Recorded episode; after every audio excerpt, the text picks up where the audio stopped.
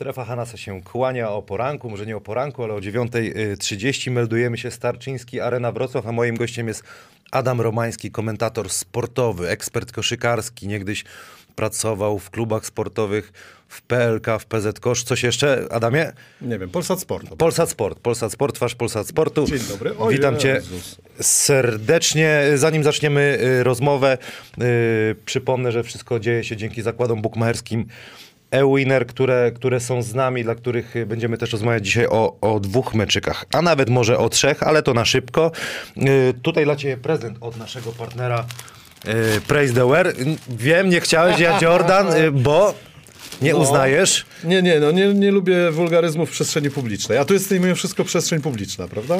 Mimo, że tak trochę intymnie, e, we własnym Masz, gronie i tak dalej. masz do tego prawo, to jest y, koszuleczka y, dla ciebie. Czyli Na, jesteś przygotowany na taką wersję, że ktoś nie, nie lubi. ale to jest, słuchaj, wolny, wolny, podobno mamy ten, wolny kraj, wolny świat. Trzeba mówić to, co się chce. Sportboxy, pan Adam wkleja wszystkie, y, wszystkie logawki. Tutaj dostałem od wydawnictwa SQN y, książeczkę Bez krycia Scottie Pippen. Y, Jestem w trakcie czytania. Y, Mam wrażenie, że Scotty mocno podrażniony jest jego ego. Będziemy mówić o ego dzisiaj, jeśli że był w cieniu Michaela Jordana. Bardzo ciekawa książka, z innej perspektywy trochę ten mit Michaela Jordana obala i może mieć rację. Ty powiedziałeś, że przeczytasz, ale po angielsku. To Znaczy staram się, staram się. No, staram się czytać po angielsku, bo, bo to pomaga szlifować język. Nie? Kiedyś się oglądało telewizję, teraz też mało jest tych telewizji po angielsku. ale Są książki, czy sprowadzam czasami i czytam po angielsku. Y, Recenzja będzie wkrótce, bo, bo muszę ją najpierw przeczytać, a będzie też druga książeczka y, do wygrania. Mnóstwo pytań jest do ciebie z Twittera, No dobrze. z Facebooka. Nie na wszystkie trudne, odpowiemy, ale ten trudne, te, te nietrudne. Y, Powiedz mi, co jest, y, przynajmniej w tym świecie twitterowym, od, w którym jestem od niedawna, takiego, że jednak, kurde, ty masz tam więcej y, ludzi, którzy cię nie lubią po prostu. A nie wiem, dlaczego tak jest. Wiesz, to jest dla mnie ciągle zaskoczeniem, yy, bo ja ogólnie uważam się za fajnego gościa, natomiast no, wiesz co, jakiś czas temu stwierdziłem, że mam już prawie 50 lat yy, i w związku z tym no też nie na wszystko mogę pozwalać, no. Niestety i, i to jest yy, moja wada. Ja myślę, że ja się trochę nie odnajduję w tym być może też, nie, nie rozumiem do końca tego, jak to funkcjonuje, ale gdzieś tam staram się narzucić swoje jakieś własne zasady, bo uważam, że tak mogę, tak? No jeżeli, jeżeli, e, jeżeli już coś osiągnąłem, bo uważam, że coś w życiu osiągnąłem, jestem już jakimś tam facetem w jakimś wieku, no to też nie do końca muszę, e, wiesz, szarpać się za prześcieradło z jakimiś ludźmi, którzy, którzy koniecznie chcą właściwie tylko mnie zdenerwować, bo takie mam wrażenie i, i no to jest, jest to jakiś problem. No ostatnio miałem taki, e, taki kryzys, można powiedzieć, podczas e, Pucharu Polski, bo nawet nie nakręciliśmy ostatniego odcinka strefy basketu. Właśnie Nie strefy basketu, tylko Studio Adrom. Studio Adrom zwane teraz studiem basket. Ale to też jest y, coś, co nie wspomniałem na początku, że prowadzisz swój kanał na YouTube. No, już teraz coraz rzadziej. Od pandemii nam się to utrudniło bardzo. No to były inne czasy, jednak wcześniej myśmy więcej jeździli e, do hal i to miało takie, taką mieć funkcję, że właśnie będziemy z hal i, i przy halach funkcjonować, a, a po prostu przy pandemii to się zamknęło wszystko. Natomiast no, to opowiem jeszcze krótko, bo to, e, to było takie dla mnie znaczące. Tak? No dwie, dwa, dwa zdarzenia. Czyli pierwsze, że e, e, kolega typ bez kontaktów, tak? On chyba nawet ma jakieś imię i nazwisko, Mówimy nie zapamiętałem. Twitterze. Na Twitterze, tak. tak. Jest tu Umieść- typ bez kontaktów? no, na pewno jest. E, więc, e, który mnie zdenerwował już wcześniej, bo, bo, bo to taki typowy hejter z mojej definicji hejtera. Być może to nie jest ogólnoświatowa definicja hejtera, czyli e, spędza czas, żeby mi dowalić. E, więc e, umieścił, e, umieścił, umieścił na, podczas Pucharu Polski jakiś screen mój z ekranu, gdzie ja tam, wiesz, no, z brzuchem na wierzchu, niekorzystnie wyglądając, e, wygląda, e, wyglądałem i napisały jak, e, mm, jak dacie lajki, tam ileś 10 czy 5, to, to będę go, zrobię go większym. No, czyli ogólnie nabijał się trochę z mojego wyglądu, umówmy się. I to jeszcze się zdarza, bo ja ogólnie uważam, że hejterzy też y, będą istnieć tak, jak istnieją żule. To, jest tak, to są tacy ludzie o mentalności żula, czyli siedzisz na randce z dziewczyną w restauracji, marzysz o, o, o różowych słoniach i, i uważasz, że będzie za chwilę bardzo miło, a przysiada się żul i uważa, że on ma prawo teraz do wszystkiego, tak? I będzie mówił, panie Adamie, niech pan mi opowie, jak pan e, tam wczoraj spędził dzień, czy pan jadł kiełbasę, czy nie. I żul nie rozumie, że jest żulem, w związku z tym, no naprawdę, no trudno. Natomiast uderzyło mnie to, w tej całej sytuacji, że. Bo ja jestem taki emocjonalny, trochę nerwowy czasami. bo- Uderzyło mnie to, ale powiem tylko do końca, że 200 osób to zalajkowało. 200 osób. Czyli, bo to, że tam ktoś taki ma odpałę, okej, ale 200 osób, w tym redaktor naczelny e, współpracującego z tobą Pol, polskikosz.pl, parę osób, które ja znam, czyli rozumiem, że te osoby chciały się też ponabijać z tego, jak ja wyglądam. Ja uważam, że tego się nie robi, nie? No nie podchodzisz do człowieka na ulicy. Ja trochę przekładam ten świat internetu tak dla własnych użytków, żeby sobie ograniczyć pewne rzeczy na świat zwykły. No na ulicy nie podejdziesz do gościa i powiesz, ale pan gruby jest. O Jezu, jaki pan gruby jest, niech pan coś z tym zrobi. No kurde, no bez jaj. Wiesz, raz mi się to zdarzyło w ostatnich latach, ale to trzylatek zrobił, wiesz, taki, byłem na imprezie rodzinnej, on podszedł i powiedział, ale ty gruby jesteś. No i wtedy wszyscy powiedzieli, nie, nie, no tak nie można, tak nie można, tak się nie zachowuje. No a tutaj w internecie, jak widać, można. Ja nawet dostaję takie wiadomości prywatne, wiesz, Kamil, od ludzi, którzy y, proszą mnie o przyjęcie do znajomych na Facebooku i potem mi wysyłają, e, czemu się pan nie odchudzi? Czy, czy, czy pan może coś ze sobą zrobić wreszcie? No kurczę, ja uważam, że to, to nie jest e, do przestrzeni publicznej. No jeżeli ktoś coś takiego podnosi, to dla mnie jest skreślony. I druga sprawa to była taka y, związana z y, facebookową grupą Energa Basket Ligą.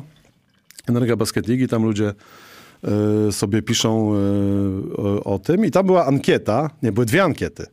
Najlepszy i najgorszy ekspert, komentator w y, Energa Basket Lidze, czy w PLK, czy w Polsce, już nie pamiętam. No i ja tam w najlepszym w ogóle nie funkcjonowałem, to też ciekawe dla mnie, bo jednak myślę, że jakiś dorobek mam, a w najgorszym E, Zająłem pierwsze miejsce, tak było 600 na 800 w pewnym momencie głosów e, za mną, że jestem najgorszym ekspertem, komentatorem w Energa Basket Lidze. No i to mnie tak uderzyło, że coś tutaj kurczę nie gra. I to jeszcze na Facebooku, to tam 600 osób tak z twarzą e, to, to, na to głosuje. E, 600 osób e, podpisanych z imienia i nazwiska, w tym nie wiem, jakieś 200 to było, to były osoby, które są moimi znajomymi, czyli wcześniej kibice, którzy prosili mnie, żebym dodał ich do Facebooku do znajomych. Ja na tym Facebooku jestem niedawno. No i nie chodzi mi o to też, że ja do końca uważam, że to będę rozdzierał szaty i powiedzieć, Boże, jestem pokrzywdzony i tak dalej. Tylko to jest jakieś dziwne, naprawdę. To jest jakieś dziwne.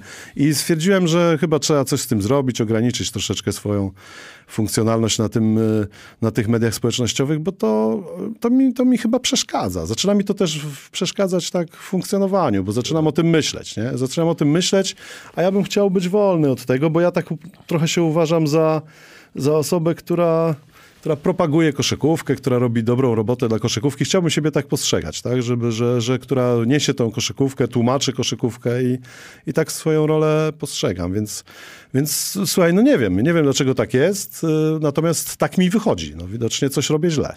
Po To prostu. ciekawe jest, y, a propos y, wagi i, i, i, i tego wszystkiego. Ja to już tam całe życie walczę, żeby parę... I to nie jest łatwe i to też człowiek zawsze ma jakieś tam swoje y, kompleksy lub y, rzeczy, które to wiesz, to, to, to, to o czym mówiłeś, to może boleć, ale mam... A to nie chodzi o to, że mnie ten kompleks boli, bo ja jestem pogodzony z tym, jak ja wyglądam. Ale zawsze wiesz, ale ale, to jest ale, boli cię, jak, ale boli cię, jak ktoś mówi, o Nie, ten nie, taki, to jest po prostu zdjęcie. niekulturalne. No rozumiesz, ja nie przychodzę do ciebie, nie powiem, no Kamil, no kurde, no nie, w koszulce, no jak ty wyglądasz No. w koszulce tutaj? No to w ogóle nie Ale do czego nie zmierzam? Mam kolegę, pe- pewnie go widziałeś albo słyszałeś o nim, Boczek się nazywa, którego pozdrawiam. e, Leży No teraz w pewnie. szpitalu, ogląda, myślę, nas albo obejrzy z odtworzenia. No, jest jeszcze większe, że tak powiem, przepraszam, od nas, w dwóch, myślę od nas dwóch razem wziętych. E, No i jesteśmy, często jeździmy na wakacje, no i rzeczywiście dzieci palcami Aż jaki grubas. Ja mówię, kurwa, co powiedziałeś? A rodzice nic, nie? Na przykład. To jest tak samo, jakby idę z moim kolegą Stanfordem, y, ciemnoskórym.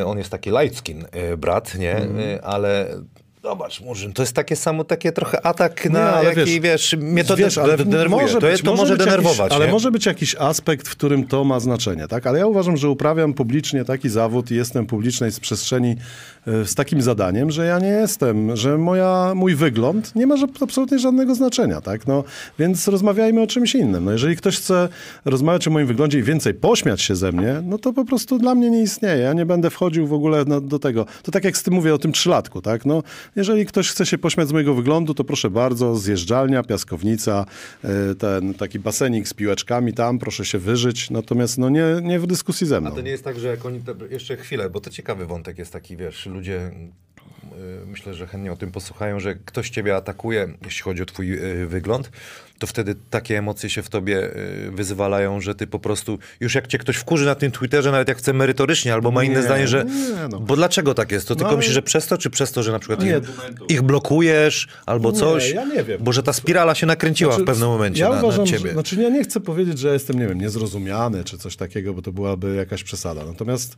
yy, ja, ja rozumiem też, w jakim miejscu ja jestem, tak? Znaczy, że nie, nie jest, jestem osobą publiczną, którą można krytykować i atakować nawet, to, to nie jest, yy, to jest oczywiste po prostu, to jest oczywiste. Natomiast yy, ja się mogę przyznać, że ja mam takie zakrętki różne, tak? Zakrętką moją jest zarzucanie mi nieobiektywności, tak? To jest po prostu dla mnie... pytania o to. No, no możemy od razu odpalić, jak chcesz. E, To jest Nie, dla mnie... zostawmy. Zostawmy, dobra, bo, bo to jest... e, Wiesz, to, to tak jakby zarzucać koszykarzowi, że nie umie rzucać do kosza. No po prostu ja nie mogę nie być obiektywny. To jeżeli chcesz o tym rozmawiać później, to potem o tym porozmawiajmy.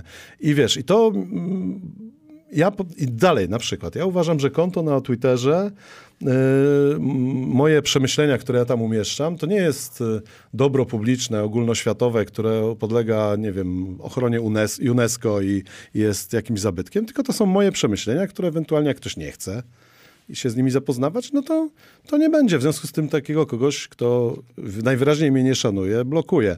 E, Nie jest tych zablokowanych aż tak wiele, tak dużo. Nie wiem, możemy sprawdzić, co? No, sta, No da, dobra. daj, damy im jeszcze paliwa trochę No, na dzisiaj, no. nie? żeby Nie, no. niedziela była miła. Tutaj Mam są takie... 7,5 tysiąca obserwujących. Brawo, ja, ja ci już tutaj czytam. Natomiast- Witamy panie Adamie i panie Kamilu z Włocławka. Pozdrawiamy pana Adama, miło wspominam jego pobyt w Słupsku, nawet parę razy grałem z nim w kosza na sali w szkole naprzeciwko No, głosu Pomorza. Tak jest, oczywiście, że tak. Ja jeszcze niedawno grałem, ale Panie Adamie, proszę się nimi nie przejmować, robi pan super ja nawet nie wiem, gdzie tu jest to, to ci są zablokowani. A, tu są, wyciszenie i blokowanie, zablokowane konta.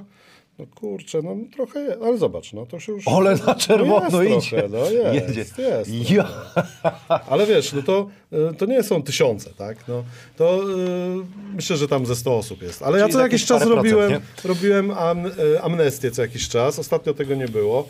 Natomiast mówię, no, jeżeli ktoś... Ja, znaczy ja, ja uważam, że też zablokowanie na moim koncie znaczy ma pr- przede wszystkim ten zbawienny skutek, że ja nie widzę co te osoby piszą, tak? I dla mnie to jest jakaś tam gwarancja bezpieczeństwa mojego, tak? Ja nie chcę, ja nie chcę y, po prostu się zapoznawać codziennie z tym, jak ktoś pisze, że jestem baranem, idiotą i tak dalej. No bo wiesz, do, doszło do tego, że ja na przykład na Facebooku oczywiście dałem, że jesteś moim gościem, no jest pytanie Wojciech Wojciech, dlaczego chodziłeś za krótkich spodniach? No ale właśnie No, no, no, no, na no. takie pytanie nie będziemy odpowiadać, no bo co to ma za znaczenie w ogóle, nie? No, no Kamil, przepraszam cię, Wiem no. o tym, ale wiesz, chcę pokazać, że, że no, do jak tego... ktoś chce rozmawiać o mnie, z, o moim wyglądzie, no to, no to myślę, że, że jednak nie. No. E, Jak śmianie się z nazwiska. też przy...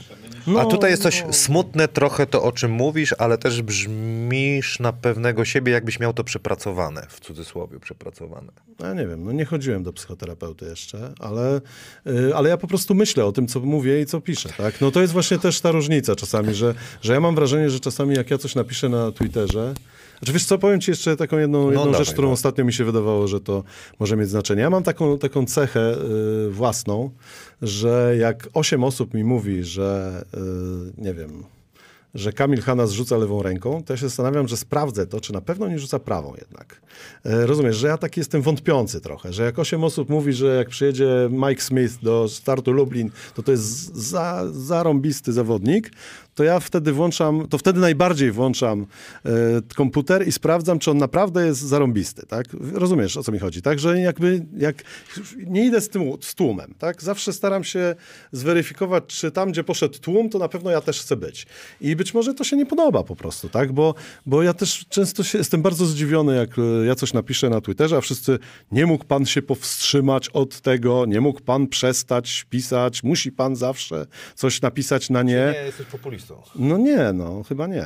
Ja jakoś tak Ja- e, wątpiący jestem. Ja jako taki de- debiutujący, można powiedzieć, youtuber, bo dziennikarzem, no nie chcę się nazywać, bo nie, nie, nie mam takich... e, No dobra, ale już tak. musisz przestać, Kamil, bo już jesteś dziennikarzem, Ale, także już musisz ale, przestać. ale z, z, Musi- to musisz- trzy lata ta, przygo, ta przygoda nie, trwa. jesteś ale dziennikarzem, słuchaj, ale, naprawdę. ale y, łapię się na tym, wiesz, jako, jako młody, młody, obserwuję, słucham starszych, też e, Wojciecha Michałowicza jako starszego kolegę obserwuję, słucham od wielu lat ciebie, bo zaraz będziemy rozmawiać o tym, kiedy, od kiedy zacząłeś e, komentowanie meczu, więc wiesz, ja się cały czas tego uczę i to jest, to jest akurat ciekawa uwaga. Ale o warsztacie możemy porozmawiać jeszcze, bo to ja mam pewne zasady, które przyjąłem sobie 20 lat temu, jak zaczynałem komentować i myślę, że też one nie do końca są e, przyjęte jako powszechne, tak? No, i tak dalej. Wczoraj hala ludowa, przepiękny obiekt, zgodzisz się ze Ile mną, razy że... będziemy mówić hala ludowa jeszcze? No nie, no sorry. ale to jest, ale słuchaj, wiesz, to jest dla mnie, nie? Ale to jest hala ludowa. No, ale dlaczego to nie jest hala ludowa, powiedz mi? Ale Dlaczego? dla ciebie powinno być, czy stulecie No, jednak? ludowa, no a co, to nie jest ludowa? No, stulecia a jest co za problem jest z, lu- z ludem teraz, że ludowa to nie może być? Nie wiem, co to... Zły lud. Zły lud. Ale ja grałem w hali ludowej, też bywałeś w hali ludowej, Więc ale wczoraj ludowa, no, jedziemy. w hali stulecia niech będzie, bo będą się czepiać nas. W hali stulecia przepiękny obiekt. Yy, zgodzisz się ze mną? Nie no, tam jest niesamowicie. No, Finał marzeń? Niesamowicie. Finał marzeń? Rozmawialiśmy Ale wczoraj. to, no to będziesz mnie tutaj wysypiesz. Nie? Bo jak teraz powiem, że Czarni i Słupsk zastał Właśnie. Zielona Góra, to będzie, że kłamie, nie? Ale niech będzie, że Śląsk, tak? Śląsk, Nie. ale po wczorajszym meczu y, Śląsk, y, twoim zdaniem, jeszcze ma chyba cztery mecze, żeby cię nie skłamać do Śląsk ma strasznie łatwy kalendarz.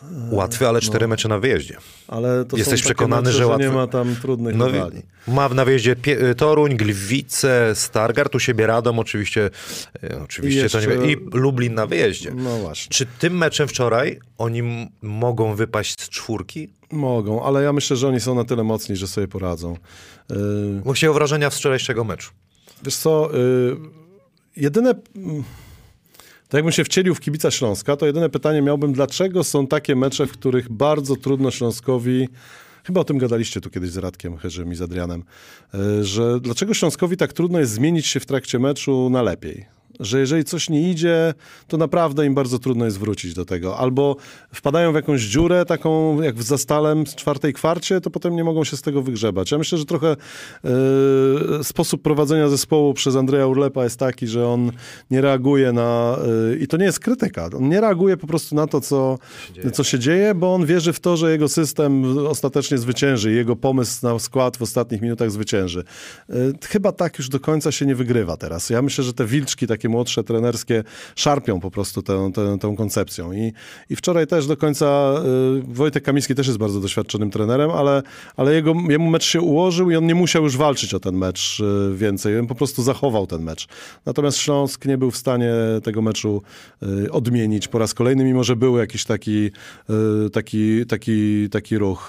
No nie wiem, wszystko się zmienia, wszystko jest różnie, wszystko jest inaczej.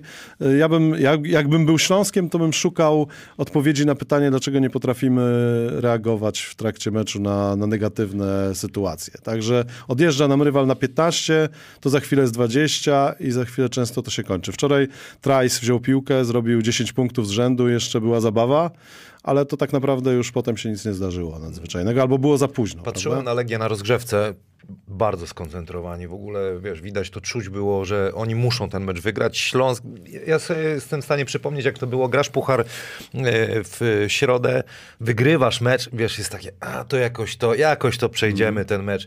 I obawiam się, że tutaj mógł być jeden problem, ale miałem wrażenie, Oprócz tego, że e, wr- wrócę jeszcze do, do Legii Warszawa, która totalnie zamurowała e, środek, od chciała Trajsa w pierwszej połowie się to udało. E, Od, No w tak, ogóle, bo żeby nie zdobyć punktu. Kiedy on jest bez piłki, jest I najmniej odjechali, groźny. oni nie trafiali, że zawodnicy Śląska, nie mówię o Trajsie, nie mówię o Dziewie, no niektórzy bali się patrzeć już na kosz, nie? I to, to było brak decyzyjności, y, było aż nadto ja, widoczne. Ja nie Tak- wiem, tak- czy to tak jest mental. Ja myślę, że y, para Trice Dziewa bardzo dominuje nad grą i trochę trudno wejść w mecz. To ty lepiej wiesz jako zawodnik No na boisku, jest- że jak stoisz łatwo. 10 minut i patrzysz jak inni grają, to potem trudno jest podjąć tę decyzję dobrą.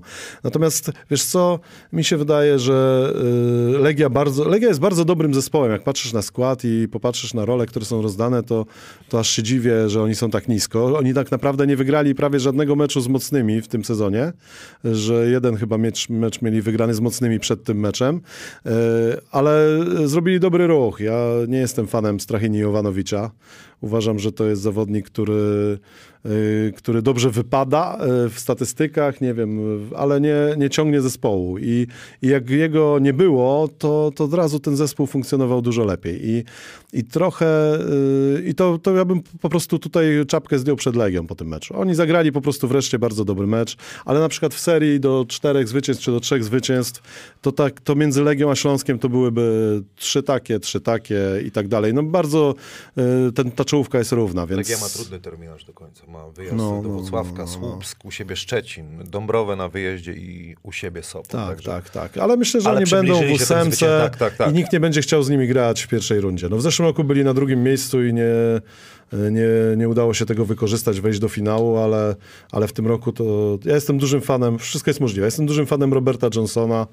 Uważam, że on wczoraj zagrał słabo i tak rzucił 15 punktów, więc to jest tego typu zawodnik, że jak rzuci 30, to, to nie będziemy w ogóle zdziwieni. Także mi się ten mecz bardzo podobał i nawet na końcu powiedzieliśmy z Tomkiem, ty nie słyszałeś, bo w telewizji nie oglądałeś, że, że już zaczynamy nadużywać wyświechtanego stwierdzenia, że, że to mecz playoffowy był, tak? Bo, bo ciągle nam się wydaje, że przez połowa meczów w kolejce to są takie playoffowe, bo ta liga się zrobiła taka niesamowicie mocna i, i 10 zespołów jest, które grają na, na dużej intensywności, tak jakbyśmy chcieli zobaczyć to w playoffie. To jest o, fajne. O tej lidze będziemy y, rozmawiać, no bo, bo jest dużo, dużo ciekawych tematów.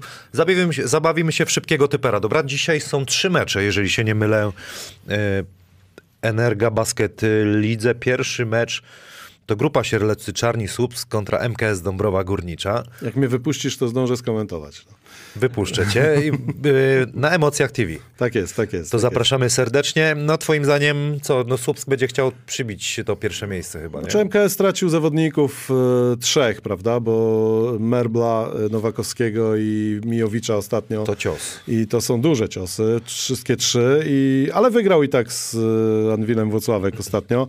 Ja myślę, że ten zespół e, gra na luzie i, i jest solidny, natomiast no, czarni są kosmiczni w tym sezonie. To, co Mantas zrobił, ja jestem ciągle zdziwiony, e, bo to się wymyka logice po prostu. No, to nie powinno było się zdarzyć, tak? I, i to jest niesamowite. Kibice, y, które robiliśmy, wiesz, zapowiedź, to też jest takie trudne robić typera, wiesz, y, nie znając budżetu, zawodnicy się zmieniają, no ale robiliśmy tydzień przed ligą i tych czarnych słupsk gadaliśmy, fajnie, Beniaminek i tak dalej, no ale jak popatrzyłem na terminarz, no to trudny, jak na Beniaminka. To, kurde, jak to powiedziałem, to kibice ze Słupska, jak mnie tam zaczęli Słuchaj, no to nie dusić, mówisz nie? ze mną, no ja, Wiesz, ja no- Toruń mam na 16 miejscu przed sezonem miałem, nie? Także wiesz... Bo tak to też- wyglądał, nie? No właśnie, bo tak wyglądał, nie? I to też możemy dyskutować, dlaczego ja tak typowałem, natomiast no słuchaj, no kto nie typuje, ten się śmieje z typerów, no to to jest jasne. Mecze, o których mówimy, będziecie mogli wytypować w komentarzach. 10 najszybszych osób 20 zł. Ten pierwszy mecz już możecie wpisywać.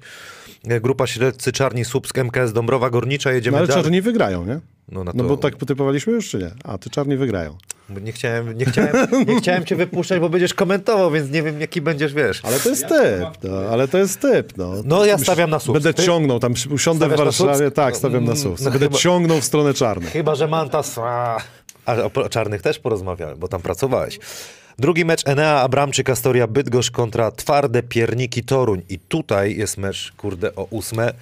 E, Miejsce o playoffy, można powiedzieć, no bo A, to, oba zespoły będą w playoffie, mają szansę. Myślisz? Tak, No tak. bo zobacz, Toruń jest ósmy, Enea Ale jest to w jakiej dziewiąty. tabeli? W tej na ligowej tabeli? No taka jest, no ale patrz, masz jeszcze Szczecin, no kto, ktoś wypadnie. Szczecin, Legia, Nie, no Szczecin i Tref na dzisiaj wyglądają dla mnie najsłabiej. no tref jest już out jest Nie, no w tej tabeli. No, no zobacz. No ale 11-11 bilans, no tak? No zobacz. 11-11, tak? to- No, no to- to, to- to- remis. no, to nie ma, no ale tutaj mamy- To jeden punkt za Astorią, no. Jeszcze wierzysz tref. Jeszcze, a, jeszcze wierzysz ten Czy ty nie wierzysz? O. Wiesz co, no ciężko się oglądało Trefla ostatnio, nie? No tak. Niestety. Ale lub, ja lubię strasznie tego Trefla, ale, ale ciężko, ciężko. No jakoś, jakoś ostatnio, wiesz, no tracą te swoje szanse. Ten mecz, jak mecz ze Śląskiem można było przegrać, no to już nawet czy Stefana atakują, ale kurde, no wiesz jaki jest wynik, no sfauluj chłopie, masz dwa rzuty i no to dla mnie to jest, Sfaulował. no najgorzej jak mógł, po prostu, no wiesz o co chodzi. No niestety to się Treflowi dość często zdarzało w tym sezonie. Gdy no, wyłączymy trefla z tej dyskusji o tym meczu, Bo Treflu nie, dobra. mecz o no. playoff. Mm, No nie, no. No, Dwie ale nie. drużyny, które będą w playoff. No, dwie Okej. drużyny, które będą w playoff. E, Astoria mi się bardzo podobała ostatnio, e, ale e, Toruń w tym meczu mam nadzieję, że Przemek Karnowski na trwałe wrócił. To jest gość, który może zmieniać mecze, bo jest unikalnym facetem, którego nie ma nikt inny w naszej lidze. I jeżeli on będzie zdrowy, to naprawdę będzie się z Toruniem ciężko grała. No, to tym no, zawsze się odwołuję do moich współkomentatorów.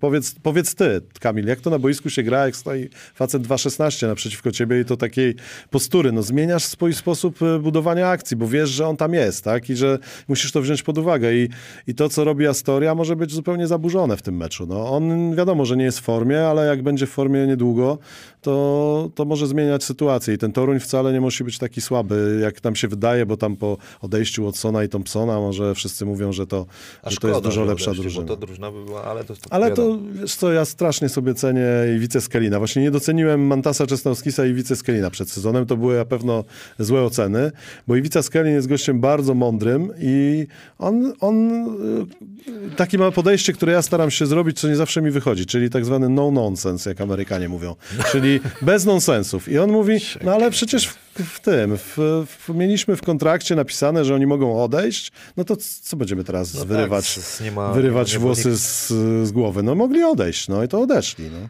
Yy, A propos trenera, trenera Skelina, uwielbiam go słuchać na timeoutach i tak sobie zapisałem, jak robiliśmy Puchar Polski, stay with your men, jebem u sumce. Jak on ich tam, wiesz, No dusi po- cały czas.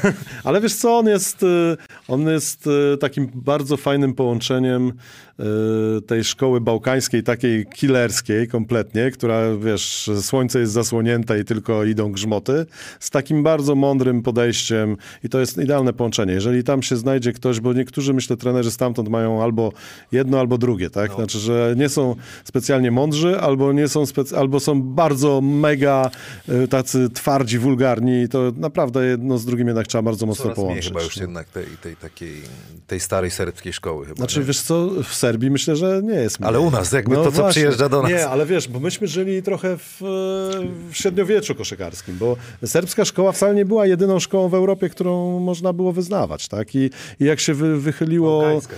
No, no, bałkańska. Jak się wychyliło nos e, spoza, poza, poza to, co tu się działo, no to zawsze było widać, że we Francji, w Niemczech, w Hiszpanii, no, no jest kilka różnych szkół trenerskich. Być może niektóre z nich nam nie, nam nie odpowiadają, No. bo, bo przyjeżdżają trenerzy z Hiszpanii na przykład i wcale nie robią u nas dobrego wrażenia, trenerzy, którzy osiągali sukcesy, ale z tych szkół trenerskich jest naprawdę sporo, żeby poprowadzić zespoły w Ekstraklasie. Wracając do Przemka Karnowskiego, też się cieszę, że, że chłopak wrócił. Spotkałem go na WKK przed sezonem, jak tam się przygotowywał i mówię, słuchaj, jak, jakbyś chciał się przygotować do stycznia, to do Rycerzy Rydzyna zapraszam, wiesz, jakbyś tutaj nie miał gdzie, gdzie wrócić do rytmu meczowego, ale fajnie, że, że wrócił, że Toruń dał mu A, szansę. to jest niesamowita historia. Znaczy ja kibicuję Przemkowi choćby także dlatego. Pamiętasz, jak e, Krzysiek Szybarga wracał, prawda? Cały rok nie grał i tam jeszcze jakieś były drobne inne komplikacje. Wrócił i po prostu śmigał niesamowicie. Przemek e, teraz wrócił po dwóch latach i dziewięciu miesiącach od niegrania, a ten ostatni sezon, który grał, to zagrał osiem meczów przez cały sezon,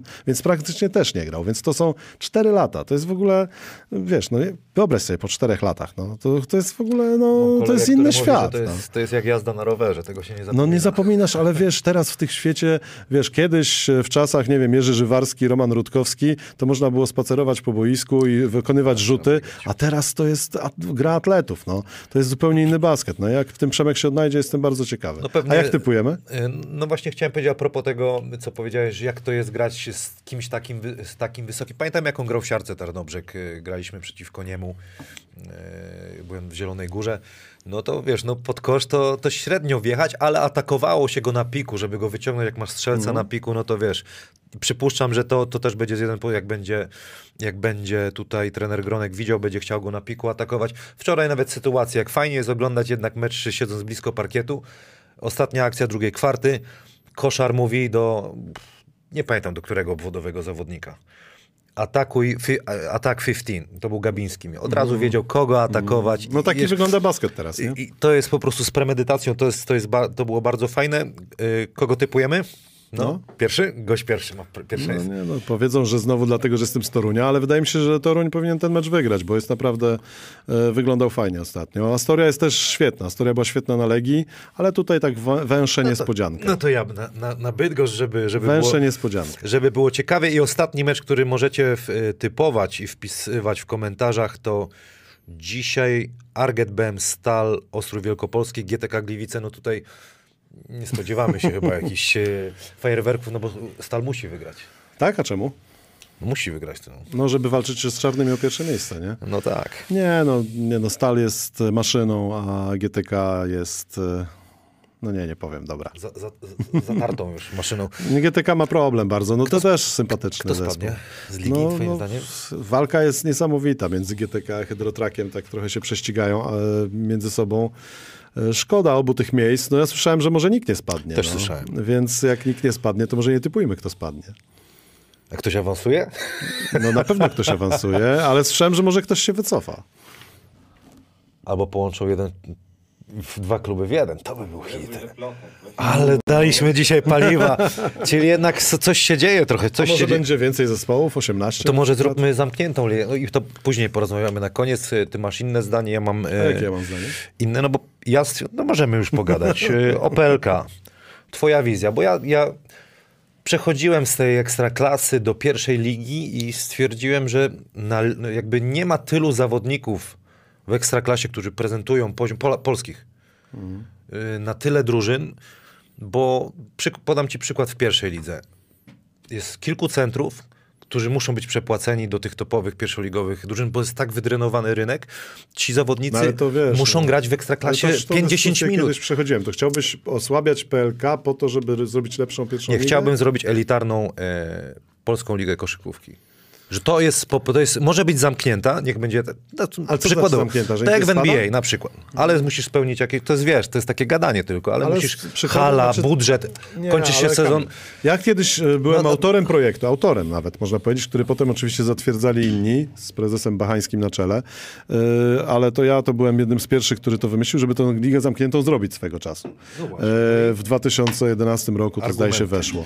I wtedy byłem przekonany, że to będzie dobre dla polskiej koszykówki, żeby, żeby zatrzymać, żeby poprawić, e, nie wiem, właśnie to, co ty mówisz, jakość zawodników, żeby ludzie stawiali na zawodników przez parę lat, żeby nawet przysłowiowa siarka Tarnobrzeg miała okazję na kilka lat po- podpisywać kontrakty, żeby coś robić. I to się w pewnym sensie udało, ale ten temat już jest moim zdaniem zamknięty, bo ta liga, którą mamy teraz, gdzie najsłabszym zespołem jest GTK Gliwice i Hydrotrak Radom, liga, w której najsłabszą salą jest hala w Stargardzie i hala w Słupsku, to jest już zupełnie inna liga niż 10 lat temu. I ja myślę, że to już jest liga, której my chcemy. Ja chciał, mi się podoba liga 16-drużynowa, dlatego, że yy, uważam, że jest 16 miejsc w Polsce, które stać na dobre zespoły. GTK Gliwice przed tym sezonem budowało zespół na to, żeby grać w ósemce. Yy, Hydrotrak Radom jest jedynym teraz takim klubem, który troszeczkę yy, był w style, ale za to oddał właśnie piękną salę i, i tam będzie też yy, parcie na dobre granie. Za chwilę, myślę, dołączy Górnik Wałbrzych.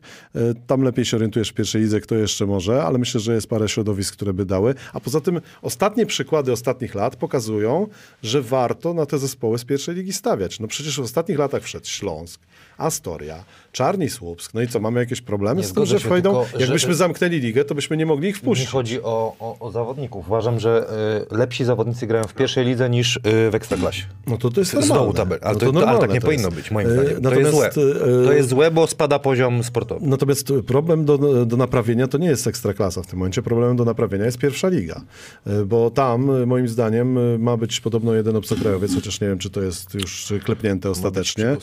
tak? Natomiast y, ja bym był na tym, za, na, za tym nawet, żeby tam było trzech na przykład y, i żeby pójść naprawdę w taką pierwszą ligę, jaką mają wszystkie y, kraje podobne do nas, tak? Czyli Francja, Niemcy, Włochy, Hiszpania, która jest mocnym zaplaczem ekstraklasy. Jest takim w, w, do wykluwania się tam zawodników i nie wiem, dlaczego my robimy to zupełnie inaczej. Znaczy, no, dla mnie to od wielu lat jest, jak byłem w PLK PZ Koszu, to, to starałem się wrzucać co roku praktycznie wniosek o to, żeby tam byli obcokrajowcy. Złożyłem taki projekt jeszcze tuż przed tym, jak przestałem tam pracować, żeby stworzyć PLK BIS, żeby, i to w pewnym sensie jest realizowane, bo, bo powstała dla pierwszej ligi strona internetowa, zostały transmisje wprowadzone, to, to właśnie było jedne z warunków, ale też jakby bardziej takie uzawodowienie tej pierwszej ligi, które łączy się z zawodnikami zagranicznymi. No nie ma żadnego powodu, myśmy się przyzwyczaili do tego, że tam nie ma zawodników zagranicznych, ale właśnie dlaczego? No w drugiej lidze hiszpańskiej, włoskiej, niemieckiej, Nie, ja francuskiej też uważam, są ruch. zawodnicy zagraniczni, więc y, powinno to... to klepnięte. Jest Pi- klepnięte. PJ jest klepnięty, okej. No, natomiast no, pomysły typu U23, U21 w pierwszej lidze, no to jest e, strzał w głowę. U23 to jest na pewno strzał. 21 jeszcze bym się... s- Nie, Jeszcze, 21 to jest jeszcze większe. Znaczy, ja uważam, że naj... jest wiele argumentów przeciwko. Największym jest to, że wszyscy zawodnicy U23 czy U21 będą odmawiali gry w PLK teraz, bo nie będzie sensu, żeby grali. A w PLK jest na ten moment prawdziwe miejsce, gdzie najlepsi zawodnicy U21, U23 powinni być. Nie będzie się to im opłacało, bo będą mega poszukiwani w pierwszej lidze, bo będziesz musiał mieć trzech do jednego, Minimum. dwóch do grania, trzech minimum w Mój składzie. prezes, y, przepraszam, bo, bo mi umknie, y, mówi taka sytuacja. Wyobraź sobie, że na treningu masz trzech tych U20, a teraz trzy będzie, że oni się zderzają na tym, na... y, Głowami. y, Nie mogą grać No. i masz jednego gościa, którym musisz orać Cały mecz. No, no. Niech Nie. zrobi... Kon... No i co wtedy? Radek, to Radek chyba mówił, tak? Radek Chyży tutaj opowiadał, że, że trener Rusin mu mówił o tym scoutingu, że u dziewczyn, które, u których to obowiązuje, teraz celem e, przygotowania do meczu jest znalezienie tej juniorki, tak? Żeby ją wyłusk- wyłuskać i żeby przeciwko niej grać. No tak to będzie wyglądało. To jest absurd. Ja, ja jest, akurat byłem zwolennikiem przepisu o, o dwóch Polakach na boisku, bo wtedy budowaliśmy e, zawodników polskich naszych, których odróżniamy wyraźnie. Zagraniczni i polscy. To jest wyraźna różnica. Natomiast jaka jest różnica między zawodnikiem U22 a U21? No to jest to samo, co ja Że miałem. nagle ten 21 będzie miał, y, wiesz, banany i konfitury, a ten 22 to już w ogóle do No śmietnika. a w drugiej kwarcie co No ja miałem? Ja byłem 85, a 86 musiał grać w drugiej Dlatego kwarcie. wszystkie ograniczenia cholernie związane z złe. rocznikami są złe, nie podobają mi się bardzo. Ta, ta jedna kwarta też jakiś mit pokutuje, że tu też o tym dyskutowaliście ostatnio z kimś, że ten mit pokutuje, że to coś dało. No to było mega bezsensowne. No. I tak zawodnicy, którzy, którzy by się przebili na przepisie o dwóch Polaków i tak by się przebili, a tam było co najmniej pięciu, ja mam to gdzieś kiedyś wynotowałem sobie, ludzi, którzy grali tylko dzięki temu przepisowi i w ogóle nawet dzisiaj, e, potem pięć lat temu, później już nie było ich w ogóle w koszykówce. To do dyskusji jest. Kolega Mielnik, kolega Grzesiński, no potem w ogóle nie było ich nigdzie w koszykówce, no a oni grali po 10 minut, bo trzeba było. Nie ma to sensu żadnego. Szkoda, że to jest. Mak, Mak, Kamilu, dlaczego problemem jest pierwsza liga? Zawodnik chce grać, a jak widać na przykładzie Kordalskiego nie miał do tego możliwości. Sam Manta skajał się, że nie dawał mu więcej A okazji. to, jest, a to jest dobry wątek też jeszcze chciałem powiedzieć, bo ja uważam, że e, my mamy jakąś, jakieś błędne przeświadczenie, że mamy jakieś tłumy zawodników, którzy muszą grać. No, ja uważam, że te, ta liczba, która A gra w Ekstraklasie... przeświadczenie, że muszą No grać? to ci, którzy mówią, że zawodnicy muszą grać. No, znaczy, a nie grają? My mamy mega rozbudowany system rozgrywek, w którym mamy drugą ligę, e, w której jest, nie wiem, 50 zespołów. Dużo. E, pierwszą ligę, w której jest 17 i ekstraklasy, w której jest 16. No umówmy się, Kamil, że każdy, kto ma dwie ręce, dwie nóżki, dostanie swoją szansę. No, nie ma, ja, wymień mi jednego, dwóch, pięciu zawodników, którzy nie dostali swojej szansy w ostatnich 10 latach. Wszyscy dostali szansę. Wszyscy mieli okazję. Adrian Kordalski, e, którego bardzo cenię, ma 26 lat, zadebiutował w Ekstraklasie, mógł pójść wcześniej, nie poszedł, nie podjął się wyzwania, sam o tym mówił, a potem dostał szansę kilka i w jednym meczu wyglądał dobrze. Ja się nie dziwię, że Manta z nim nie grał. Dziwisz się, że Manta z nim nie grał? Nie no, nie dziwię, No być może natomiast- to jest zawodnik pierwszoligowy po prostu, no trudno, natomiast no to nie jest tak, że, Ale nadal że on nie dostał w kierunku, żeby ta ekstraklasa... Wiesz dlaczego? Nawet chociażby dlatego zrobić przykładowo w Polsce piątek, sobota, niedziela, wszystkie mecze masz z tego y, w Polsacie. Mhm. Jest mniejsza liga, ale jest, wiesz, jest, jest ten produkt, a pierwszą ligę bym, rozmawiając z prezesami, czy, czy też y, z ludźmi, że pierwszą ligę, żeby obciąć chociaż koszty w tej pierwszej y, y, części sezonu na pół ją podzielić. To ja, ja mam, ja miałem inny Żeby, była, żeby było te 20 na przykład drużyn w pierwszej lidze na dwie grupy. E, Wiesz co, ja miałem inny pomysł. Ja miałem pomysł inny e, i proponowałem go także w PZ Koszu, żeby zrobić trzy ligi, zanim dojdziemy do drugiej, tak? Czyli żeby tą grupę zespołów między Ekstraklasa plus PLK plus czołówka drugiej ligi, żeby z nich zrobić trzy ligi, które są jedna pod drugiej. Ekstraklasa, Ekstraklasa BIS i pierwsza liga. E, jak gdyby taki system trochę jak angielska Premier League ma, nie? Że tam są dwie ligi, Premier League, Championship i potem dopiero jest First League. E, I e, dlaczego tak? Dlatego, że, e, że granie ogólnopolskie ma sens, ale właśnie głównie dla tych dwóch e, pierwszych szczebli. A po drugie, jeszcze jest jeden argument ważny, żeby nie zmniejszać ekstraklasy, Kamil. Że jakbyśmy zmniejszyli ekstraklasę, to Anwil Włocławek by nam spadł w zeszłym sezonie. I to nie byłoby dobre, bo, bo byśmy... był- Bez spadków robi. no dobra, no nie, no ale wiesz, no to byłby na ostatnim miejscu. Ja uważam, że zawsze w każdej lidze takiej zawodowej muszą być jednak zespoły, z którymi musisz wygrywać. Czyli takiemu Śląskowi, czy Zastalowi, czy Anwilowi są potrzebne też zespoły, z którymi wygrasz po prostu, z którymi będziesz miał zwycięstwa. No nie może tak być, że będziesz miał 10 zespołów i nagle się okaże, że Śląsk, Wrocław i Anwil Włocławek mają bilans 0,8 w pewnym momencie albo 0,10. To po prostu nie jest dobre. I te zespoły muszą trochę tego, tego, tego wygrywania mieć, a naprawdę mi nie przeszkadza w Gliwicach, w Radomiu, e, czy w Astorii, czy, w, czy nie wiem, kto tam jest jeszcze na tak dalszych miejscach w Spójni, że jest ekstraklasa. Ja uważam, że to jest bardzo dobre. Ja miałem pomysł, żeby zrobić 14, 14, 14. To ile to wychodzi? 14 jest okej, no. Czyli 42, tak to by było? A teraz mamy 30 chyba 5, tak? Dobrze liczę? Nie, źle liczę. 16 plus 17, 33. I spokojnie byśmy dobrali tak, żeby były 42. No, może ta trzecia liga już od góry mogłaby być w grupach, ale y, jeżeli zmniejszać, to do 14 maksymalnie. Wiesz, to jest ciekawe do dyskusji, bo to sobie każdy ma e, punkt widzenia, ale ta pierwsza liga warto się ku, ku, jej przyjrzeć, bo ten obcokrajowiec zrobi robotę. Moim zdaniem tylko teraz będzie głowa, wiesz, i rola wśród prezesów, trenerów, w jakim kierunku pójdą, kogo wezmą, bo to jest niby ile, wiesz, ile sępów teraz jedzie.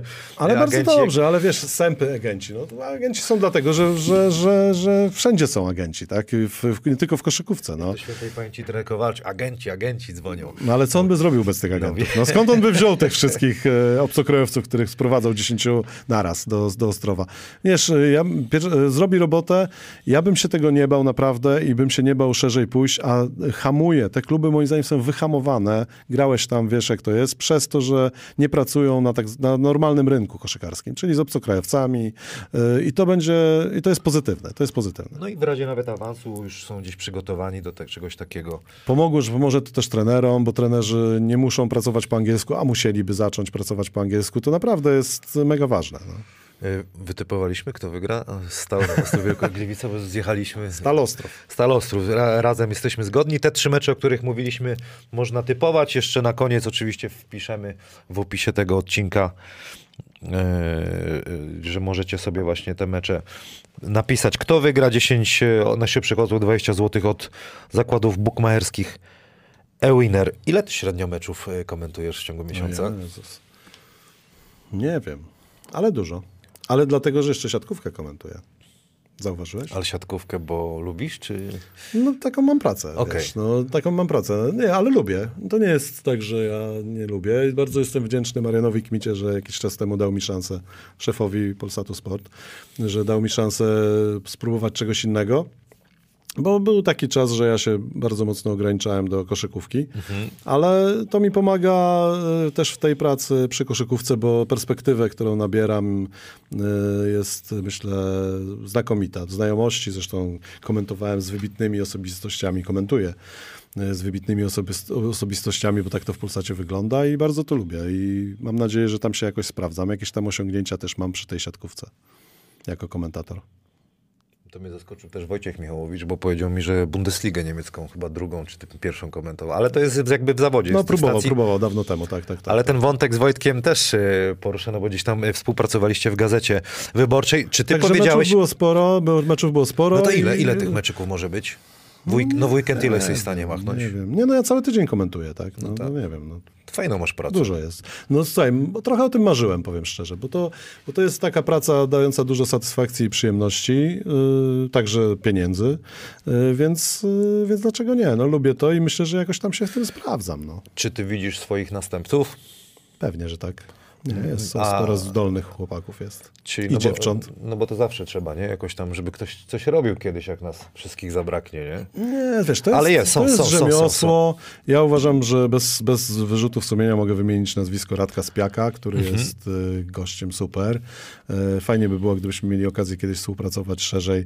E, to jest, to jest, to jest y, bardzo mądry ch- chłop, który wie, jak to robić, także, także tak, ale pojawia się coraz więcej fajnych ludzi. Myślę, że ważna jest w tym zawodzie pokora i szacunek dla starszego pokolenia, to o czym też moglibyśmy powiedzieć. Ja zawsze e, uważam, że ja już się teraz uważam za starsze pokolenie, chociaż jest to dla mnie pewnego rodzaju odkrycie, bo zawsze myślałem, że jestem młody. Tak jak Mirosław tutaj, Noculak dwa tygodnie temu u ciebie mówił, że on ma 25 lat mentalnie, to, to ja też mi się wydaje, że jestem młody, ale już nie jestem, więc, e, więc tych, e, tych młodych e, zawsze od nich się dużo uczę. Rafał Juć jest najlepszym przykładem, który jest ode mnie 20 lat młodszy, a, a myślę, że rozumiemy się bardzo fajnie i też e, e, zawsze się cieszyłem, że mogłem go wciągnąć pewne rzeczy, co, co w telewizji no, korzystamy obaj, tak? Bo ja korzystam z tego, co Rafał daje, a Rafał myślę, że też korzysta z tego, że z nami jest e, w Polsacie Sport, tak Pozdrawiam, go, przepraszam, pozdrawiam go od razu, bo to fajny chłopiec. no, super chłop to jest. To jest mistrz świata, naprawdę dla mnie.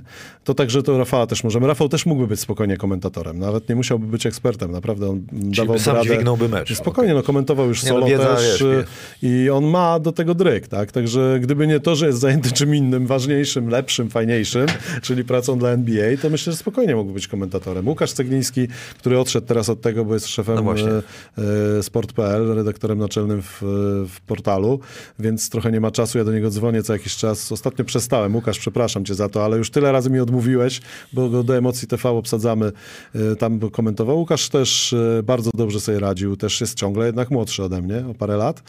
E, Natomiast no, ja na przykład e, bardzo patrzyłem na starszych zawsze i Kto był takim twoim... Wojtek Zieliński był e, gościem, który to był taki komentator, e, nie wiem czy pamiętasz, e, który robił, e, żył Pruszkowem, żył Mazowszanką Pruszków.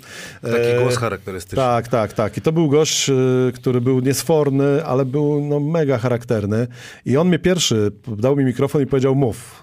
E, Podczas jakiegoś wyjazdu z Mazowszanką byliśmy, bo ja tam jeździłem jako Gazeta Wyborcza i on e, nie za bardzo się znał na tej koszykówce, ale był w stanie zrobić atmosferę do każdego meczu i to było też dla mnie nauczką.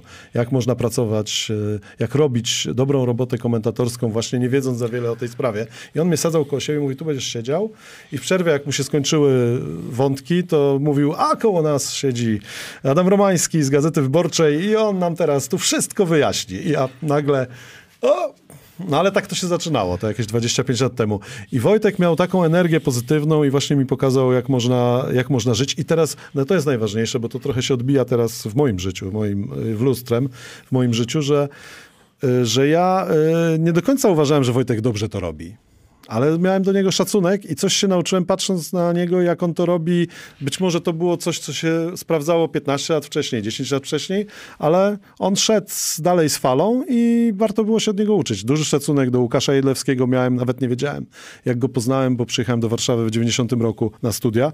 To pana Łukasza poznałem on był wtedy redaktorem naczelnym przeglądu sportowego i do końca y, też y, miałem dla niego ogromny szacunek, zawsze, zawsze się kłaniam przed nim, bo to dziennikarz z dużym dorobkiem, który widział dużo, od którego można się dużo nauczyć, a jest to człowiek, no formalnie, nie wiem, ja taki byłem buntowniczy trochę za młodu, y, ja żyłem na przełomie komunizmu i kapitalizmu, więc zawsze byłem antykomunistyczny, tak, a pan Łukasz był w PZPR, w ogóle za czasów komuny, był tam jakimś dygnitarzem, no Jezus Maria. A to przecież nie ma żadnego znaczenia, naprawdę, można spojrzeć na starsze pokolenie i się sporo od niego nauczyć, także to byli e, w pisaniu Łukasz Jedlewski, a w, w mówieniu Wojciech Zieński to byli tacy starsi panowie. Wtedy, pewnie są, byli młodsi ode mnie nawet wtedy jeszcze, ale e, niż ja jestem teraz, ale, ale, ale to już byli dla mnie wtedy starsi panowie, z którymi się spierałem, ale szanowałem i to każdemu polecam taką No ja, ja, ja akurat się z tym zgodzę, no bo, bo tak samo jak mówię, jadę do Kanal Plus, y, podpatruję Wojciecha Michałowicza. Y, Dużo mi to daje z pokorą, bo to jest to, co to jest ważne, o czym powiedziałem, a na przykład Edward Durda, nie? On głównie boksem się zajmuje chyba, dobrze mówię? Czy y, jeszcze... Ale nie, to, było, to jest bardzo dobre pytanie. Ale- ale- Czym głównie zajmuje się Ale Edward potrafi wszystko zrobić, bo miałem przyjemność z panem Ed- Edwardem komentować e, mecz NBA, chyba Golden State Warriors wtedy grało, tak na pewno.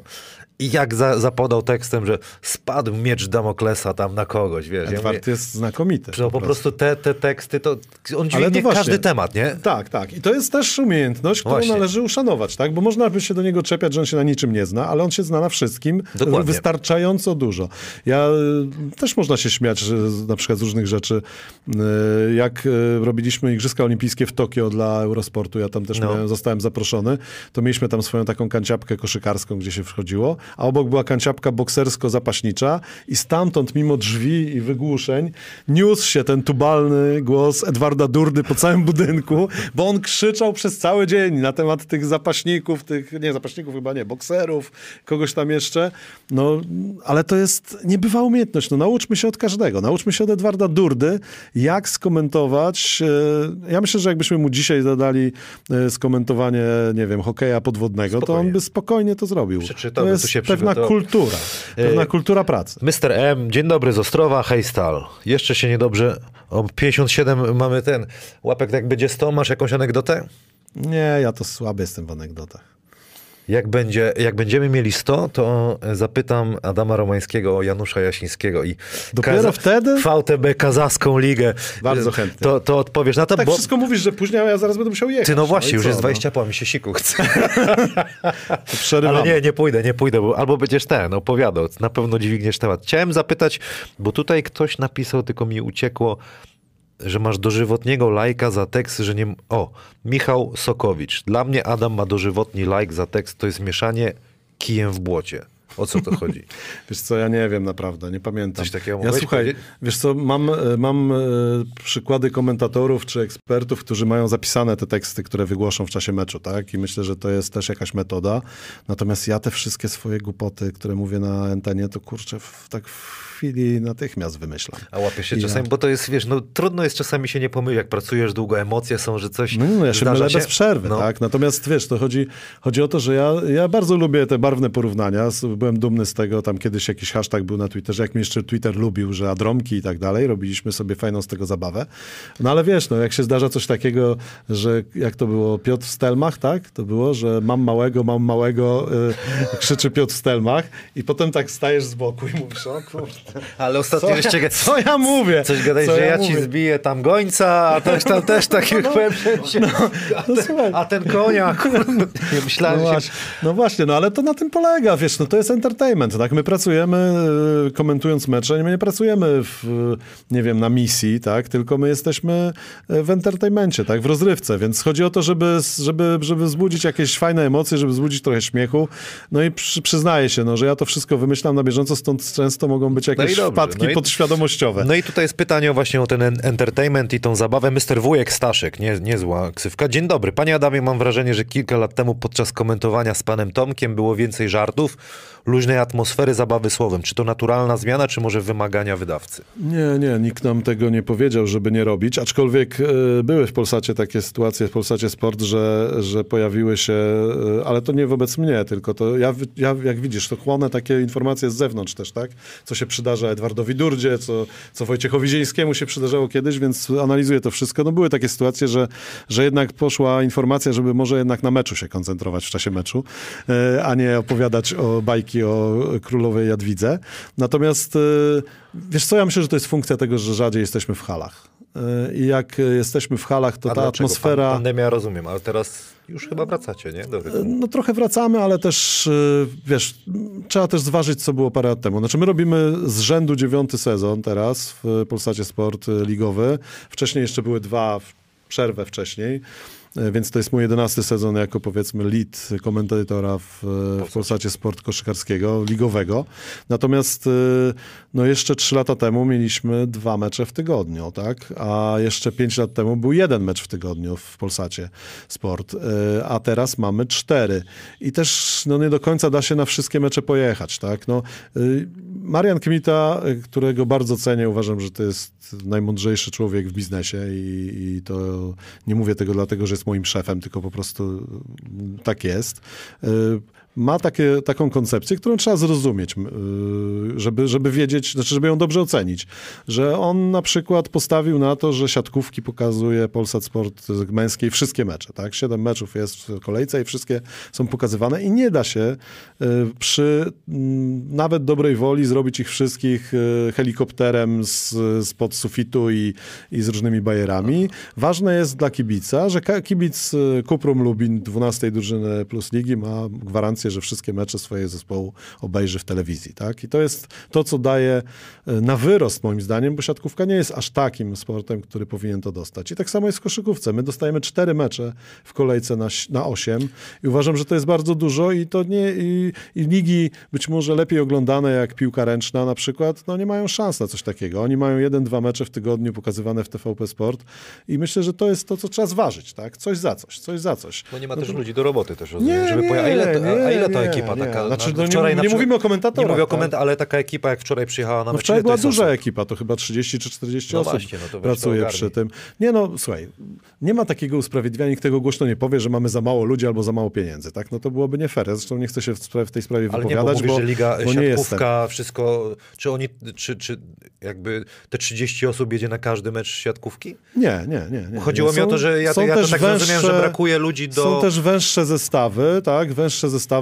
Polsat zbudował, e, to się ciągle rozwija i poprawia i też to pewna wizja, którą ekipa pana Mariana Kmity e, w, ma, jest, że idziemy w nowoczesność, tak, nie do końca w właśnie te szerokie stuosobowe ekipy na, na hali, ale także w proste środki przekazu, które pozwolą nam, kibicowi przysłowiowego GTK Gliwice za chwilę zaproponować, że no w tym roku mieliście 10-12 transmisji, a za rok może będzie ich 20, a za parę lat będzie może ich 30.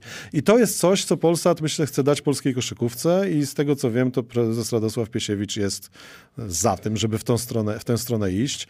I teraz możemy analizować od tego punktu wychodząc, czy to jest dobre, czy złe, czy, czy tak dalej. Natomiast ja bym nie chciał też za głęboko się wypowiadać w imieniu e, pana dyrektora Mariana Kmity, bo to kompletnie nie jest moje zadanie, tak? No więc e, tylko naświetlam tutaj taką sytuację, bo pytasz mnie, dlaczego mnie jeździmy. No dlatego mnie jeździmy, że no nie da się w ciągu jednego dnia też do końca rozumiem, przejechać w rozumiem. skos e, Polski. Insiderskie takie. E, I no i to po prostu staramy się, staramy się kibicom dostarczyć jak możliwie najmocniejszy, najfajniejszy produkt, e, także będąc w Warszawie.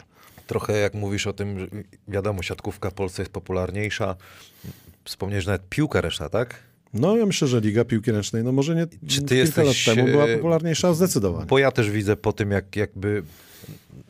Nieskromnie powiem, uważam, że fajną rzecz robimy i, i gadanie o koszykówce jest super i, i tak dalej. Gdyby to była piłka nożna, myślę, że i ty, i my, a w ogóle w Stanach to naprawdę to, to już by była po, poważna praca, że jednak y, no jest to, kurde, z przykrością to mówię, no nie jest to popularny sport w Polsce teraz. Ale to jest tak, jak, jak, jak jest. chodzi mi o. y, Wiesz czy ty jesteś zadowolony z, z, z wyświetleń, jakby z, z tych statystyk, jak oglądają no, koszykówkę? Ja będę zadowolony, jak 36 milionów obejrzy moją transmisję. No. No to jak Wiesz, jesteś, y, jak to nie, wygląda? no to nie o to chodzi. Natomiast ja myślę, że trzeba pamiętać, gdzie byliśmy i ta dynamika jak gdyby w czasie jest jednak bardzo ważna. Tak? I ja, ja byłem zszokowany kiedyś, jak Prokom grał, w, to był 2009 rok chyba, w, w ósemce Euroligi, prawda? No. Tomasz Paczesas i to było w Kanal Plusie pokazywane. Ja dostałem nagle wyniki oglądalności i tam było, że średnio te cztery mecze z Olimpiakosem oglądało 17 tysięcy ludzi. Ja mówię, jak to jest w ogóle możliwe? Przecież to było takie mega wydarzenie, prawda? Quintel Woods, tam David Logan yy, i, i w ogóle ósemka Euroligi, w ogóle osiem najlepszych drużyn świata i tylko 17 tysięcy ludzi. Następna akcja. Gramy z Amerykanami. Ja całe e, życie zawodowe marzyłem, żeby polska reprezentacja zagrała z zespołem NBA, z jakimś Dream Teamem pierwszym, drugim, trzecim, czwartym na Mistrzostwach Świata, na Igrzyskach Olimpijskich. I to się stało w 2019 roku w Chinach, prawda?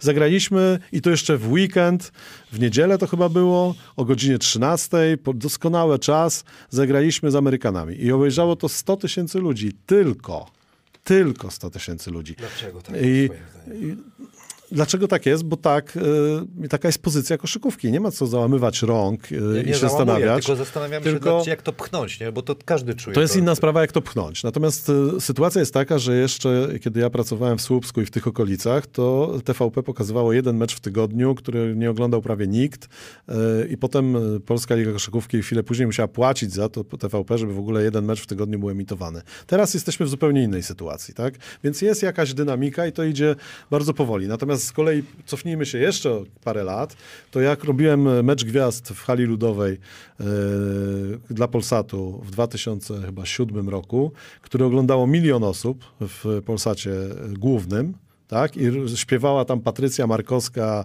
e, jakieś Lady Punk wystąpił chyba na końcu. Bardzo możliwe, że grałeś. I, y, a wtedy siatkarze marzyli, żeby mieć nasze oglądalności.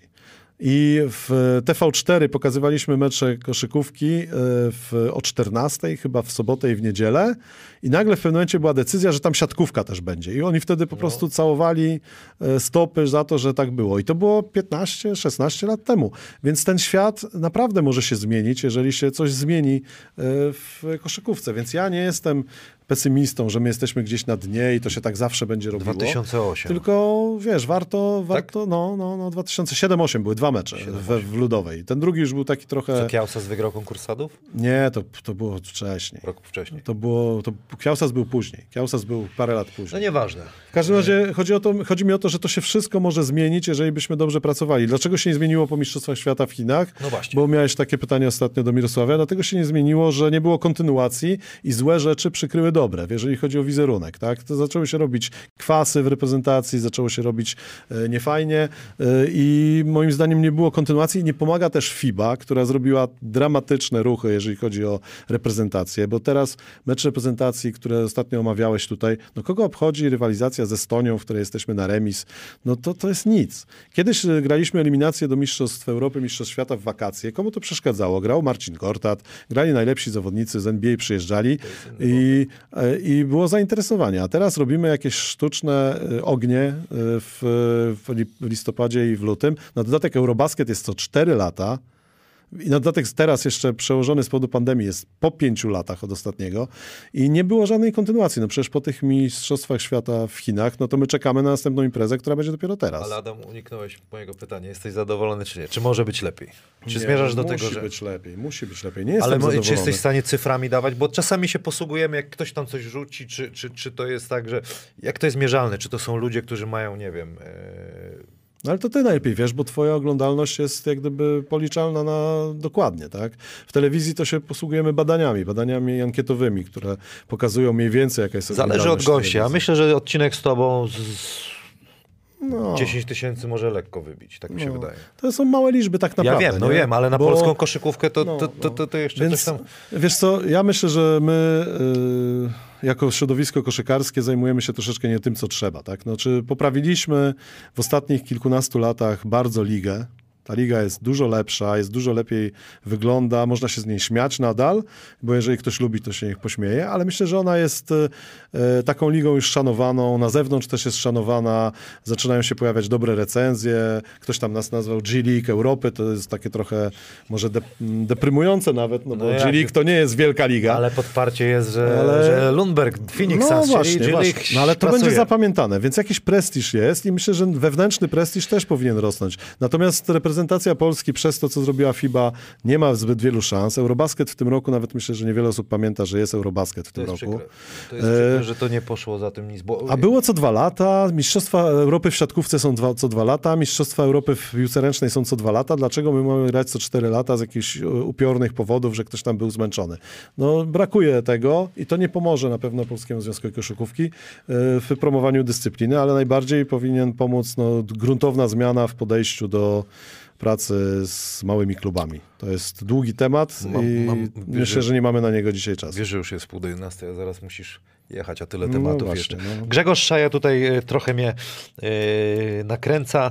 Czy Adrom i Jankes na ściankach będą mogli być czasem uszczypliwi w przerwach po meczach? A co to znaczy uszczypliwi tak naprawdę? Wiesz co, znaczy jeszcze raz wróćmy do tego, że my pracujemy w entertainmencie, tak, w rozrywce, w związku z tym też y, nie będziemy Państwu mówić na antenie, tak, że to, co Państwo oglądacie, to jest bullshit, tak, no, no nie ma takiej możliwości po prostu. Ale to co? Ja się po śmiejąc poprawność ja- polityczna nie możesz y, mówić, kurde, nie, ale to to, nie jest był- poprawność To polityczna. jak no, to? pracujemy w biznesie, tak? No nie przyjdę do strefy Hanasa i nie powiem, że strefa Hanasa jest najgorszym Ale masz programem, prawo jaki znam. tego. No ale po co to robić? No, ja tutaj mam nadzieję, że ci będzie szło jak najlepiej, tak? Natomiast y, no, to jest... My pracujemy po to, żeby ta liga była lepiej oglądana i żeby była y, lepiej odbierana, zwłaszcza na tym etapie, tak? Bo jeżeli byśmy, niektórzy mówią, a w NBA sobie tam pozwalają. No dobra, ale NBA jest gdzie indziej. Więc NBA ma sw- pozycję swoją, która jest nienaruszalna i można spokojnie sobie bawić się w innym, w innym baseniku się poruszać troszeczkę. My jesteśmy na innym etapie. My musimy budować tutaj solidność tej ligi. Ja y, jestem pierwszy do żartów, ale myślę, że nie, powi- nie, mam takie zasady właśnie jako komentator, że po pierwsze nikogo nie deprecjonuję. Y, Jak, y, jak jest y, niecelny rzut, to mówię, że dobra obrona. Jak jest celny rzut, to mówię, że świetny atak. I nigdy nikogo nie będę namawiał, żeby kogoś zwolnił z pracy, trenera ani zawodnika, tak? I to, na to No mnie nie, nie, złapiecie. Y, I dlatego też nigdy nie będę mówił, że to, co Państwo oglądacie, to jest y, coś nie do oglądania. I to jest, moim zdaniem, taka funkcja jest y, komentatorów ligowo-sportowych. I jak ktoś chce spełniać rolę tutaj gościa, który będzie wyśmiewał to, co my robimy, czy to, co, jaka jest liga, to bardzo proszę, jest na to też przestrzeń. Ale, ale myślę, że to nie jest nasza rola. No. Ja zawsze Nie, no tylko się śmieję, że, że marzymy, jeżeli chodzi o takie marzenia z Jankesem, to, to my się zawsze śmiejemy gdzieś tam poza anteną, że marzymy o tym, żeby kiedyś tak na, skomentować tak zwany, taki mecz naprawdę. Taki naprawdę, żeby takim językiem, jak ty tutaj, Jak Kamil, chcecie. czasami mówisz też, że wiesz, że nie trzeba powiedzieć przestrzelił rzut spod kosza, tylko ale... Ale tak, tak I to, i to, z- to, i to, może będzie to- nasza ostatnia transmisja. Planujemy z Radkiem, ale to sobie puścimy jakiś mecz chiński, przygotujemy się i wiesz, pojedziemy po swojemu, nie? No bo to, to mógłby być entertainment. słuchaj, no- no, to jest taki nowoczesny entertainment, ale do tego, do, do tego nigdy nie dojdzie. Nie uważasz, znaczy to co ja robię, są inni, inni y, ludzie, między innymi Keep the Beat, y, chłopaki z ProBasket, jesteś ty, że to wszystko powinno razem współpracować na, na, na Ale cześć y, nie, koszykówki? No naturalna, znaczy to wszystko współpracuje A nie- siłą rzeczy, ale my się kłócimy o coś? No nie, nie, ale Nie. żeby tak jeszcze to można, przykładowo, jest Puchar Polski, czy, czy na przykład nie powinna Liga zaprosić nas wszystkich też, oprócz tego, żeby nakręcić jeszcze tą społeczność, swoją widownię, żeby przyjechali. Nie, No ale to- nie, jakby nie, wiadomo, Polsat ma prawa do, do transmisji i w ogóle tam nie wjeżdżamy, ale przed czy po, wiesz, żeby Wiesz co, jeszcze się, budować tą To się społeczność. dzieje samodzielnie, ale czy- rzeczywiście, że tak, że może, może powi, powinno być. Tylko to wiesz, no to są koszty, to są pieniądze. Yy, ja myślę, że yy, tą debatę byśmy mogli bardzo długo Będę prowadzić. tak. ale myślę, że w Lublinie by się znalazły na to yy, pieniądze. Wiesz co, no ja nie wiem, no już nie, nie siedzę Adam. w PLK i w PZ Koszu, ale słuchaj, nie, nie siedzę w PZ Koszu i PLK, nie wiem na co pieniądze są budżetowe wydawane tych instytucji, które budżety się znacznie powiększyły, za co uważam powinniśmy się kłaniać panu prezesowi Radosławowi Piesiewiczowi. Natomiast ja nie do końca jestem przekonany, że yy, yy, tak mówiąc szczerze, No. że działania tego typu podniosą polską koszykówkę. Ty masz Ja nie mówię, że podniosą, ale wiesz do czego piję? Tych y, pustek na przykład w Lublinie na meczu kadry. Ja wiem, że jest wojna, że jest pandemia, e, natomiast to, to boli, to razi, że No dobrze, reprezentacja ale to jest Polski gra... funkcja czegoś. To jest, to jest skutek czegoś. A my za, zadbajmy o to, żeby przyczyny, dlaczego tak się dzieje, zniknęły. Ja, no, czy w, w jednym, w dwóch słowach mogę się, powiedzieć... mną, że tak nie powinno No wyglądać. nie, no nie może tak wyglądać. Ja w ogóle uważałem, że od pewnego momentu jednak polska reprezentacja powinna grać na halach 10 tysięcy plus, y, ale teraz to naprawdę byłoby samobójstwo, tak? Więc y, natomiast ja uważam, że no najbardziej zaniedbaną rzeczą jest y, praca wojewódzkich związków koszykówki nad, y, na dole, tak? Nad tym, żeby y, jak najwięcej osób grało w koszykówkę na poziomie najniższym. To, co się dzieje na dole, to, że jest, są, nie wiem, tysiące miast, gdzie nie ma w ogóle koszykówki, to jest największa porażka koszykówki, bo największą widownią, e, jeżeli nie mamy sukcesów, a trudno będzie nam odnieść sukcesy reprezentacyjne na poziomie Robert Kubica, Adam Małysz, e, piłkarze ręczni, wicemistrzowie Europy, e, bo to jest trudno brudniejsze środowisko. Największym naszym problemem jest to, że bardzo mało osób gra w koszykówkę, a to jest najlepsza widownia. Ludzie, którzy grali i grają w koszykówkę młodzi i ich rodzice, i ich znajomi, którzy się wciągają w basket i mówią, dobra, byłem dzisiaj, jak Kajtek grał w kosza w UKS-ie u mnie na wsi, to zobaczę, jak gra polska reprezentacja. I wtedy nam to wszystko rośnie. I tu jest największa robota, która w ogóle moim zdaniem nie jest robiona, bo wojewódzkie związki koszykówki powinny być propagatorami koszykówki w tym sensie, że powinny umieszczać koszykówkę tam, gdzie można ją umieścić. Tego nikt nie robi. Są okręgowe związki koszykówki, które mają jeden klub albo dwa e, w swoim województwie. No to nawet najmniejsze województwo to jest mnóstwo ludzi. I tego, tego bym To oczekiwał. jest ciekawe, no bo wiesz co, nie wiem, tak nie widać tego w Gliwicach, ale mam wrażenie, że na mecz drugoligowy w Prudniku więcej ludzi przychodzi niż do, na Gliwice. Jest taka atmosfera, wiesz, jak, No jak dobrze, ale kiedyś w ten prudnik, ale widzisz, ten kamień, ten I- i prudnik chodzi jest są takie od mi- 30-40 I lat tam jest, ale tam jest zbudowana kultura No. chodzenia na mecze A czemu my nie budujemy koszykówki w nowych miejscach? Moja córka ma 13 lat, y, pozdrawiam ją serdecznie, może nas oglądać, Julianna. I ona gra w, kosz- w siatkówkę, gra, bo u nas, y, w, gdzie mieszkamy w Lesznowoli pod Warszawą, w szkole jest UKS siatkarski i słuchaj, wyobraź sobie, że naprawdę bardzo duży procent dzieciaków z tej szkoły gra w tę siatkówkę. Y, dziewczynek. A chłopacy grają wszyscy w piłkę nożną. Tam nie ma w ogóle koszykówki. W naszej gminie, gminie e, Piaseczno, są trzy kluby UKS-y siatkarskie dla dziewczyn. I one rywalizują ze sobą. Tam nie ma w ogóle koszykówki. E, A ta siatkówka jest zorganizowana naprawdę na innym poziomie. Są inne systemy rozgrywek, inny sposób rekrutacji zespołów, pomoc dla trenerów. Włożone są tam pieniądze i to wygląda inaczej. 40 kilka zespołów uczestniczy w rozgrywkach U13 na Mazowszu, tam gdzie też ona gra. E, I dlatego także, że nie grają 6 na 6, tylko grają 4 na 4. Zaraz wrócisz do PZ Kosza i do PLK. spraw. Nie, ja Potem nie wiem, czy ja to- się do tego nadaję. Będę ale, też jeszcze o to pytał, jak zostanie ja mam, czasu. ja mam, myślę, spore już doświadczenie, no bo ja w tym No widać, ja 30 słyszę, no lat, słyszę, no tak? bo to- Więc to- jakby ktoś chciał mnie posłuchać, to Burzę ja mózgów trzeba robić, mówić, nie? no. Y, czy ty przeprowadziłeś ten słynny wywiad z Radkiem Chyżym? Co w Nie, papę można Nie, dostać? to Bartek Masłowski. Nie, Bo nie, tutaj nie. padło pytanie, Maciej Parkitny. Hej, hej wam panowie, pytanie do pana Romańskiego, jak wspomina słynny wywiad z Radkiem Chyżym o dawaniu w papę w pewnych dzielnicach. Nie mogłem nie zadać tego pytania. Ale słuchaj, Radek Chyży, ja się z Radkiem bardzo często mogę nie zgadzać, bo, bo to, ale na tym polega całe piękno. No tak. No nie zgadzajmy się. Radek ma swój styl, który jest radkowy i ja na przykład go bardzo lubię. Yy, za to, że jest taki, jaki jest. No, to nie jest mój styl, ja nie będę go naśladował, nie będę taki jak Radek, ale, yy, ale bardzo dobrze, że jest taki, że mówi inaczej niż wszyscy. No, bez tego byłoby nudno. Prawda? Szukam, szukam, szukam. Ra- Z Radkiem tak. No ale tutaj są też takie, mm, że, że, że za to kłanianie się w pas Piesiewiczowi jest hejt. No ale właśnie, no dobra. No, a możemy o tym pogadać? No, Możemy, proszę. y, ja na przykład pracowałem z Radosławem Piesiewiczem. Radosław Piesiewicz wręcz podpisał się pod moim zwolnieniem z PZ Kosza. y, więc, Rafał S. Więc wyrzucił, wyrzucił mnie z PZ Kosza. Natomiast y, jako pan, pan Radosław Piesiewicz, bo tak trzeba mówić. Natomiast y, y, możemy, różne rzeczy są w domniemaniu, oceniając pana prezesa Radosława Piesiewicza. Natomiast wiele rzeczy jest, które wiemy. Wiemy na przykład, że budżet związku się znacznie e, w, zwiększył i ja na przykład nie mam jakichś o, odczuć takich negatywnych wobec sięganiu po pieniądze spółek Skarbu Państwa. Uważam, że to jest bardzo dobry pomysł, że spółki Skarbu Państwa powinny finansować polski sport. To jest bardzo dobra droga. Jakikolwiek. Jakikolwiek. Jaki Także jest- zawodowy. Przepraszam, jaki jest. do Także czego zmierzam? Czemu jest sens pakować spółki, y, pieniądze z spółek To znaczy skarbu? pakować. To znaczy to No dawać na, na przykład na klub ekstraklasowy, na zawodników. A dlaczego nie ma sensu? A niepotrzebny jest klub zawodowy mocny? A, Jest, ale no może właśnie. lepiej te pieniądze w, A znaczy za, lepiej? zainwestować w młodzież. Ale co to znaczy zainwestować trenerów. w młodzież? Żeby To trenerzy byli oczywiście- chcieli pracować. Oczywiście, że tak. Bo na to A nie ma pieniędzy. To trzeba zrobić także, ale można zrobić jedno i drugie. Można, ja na a? przykład uważam, by ja uważam właśnie, że bardzo dobrze, że przez, znaczy sport zawodowy jest atrakcyjny dla, dla Musi, firm typu sp- spółek skarbu, Państwa, więc wciągnijmy je przez tą metodę, ale niech pójdą właśnie w tą stronę, w tę stronę, o której ty mówisz.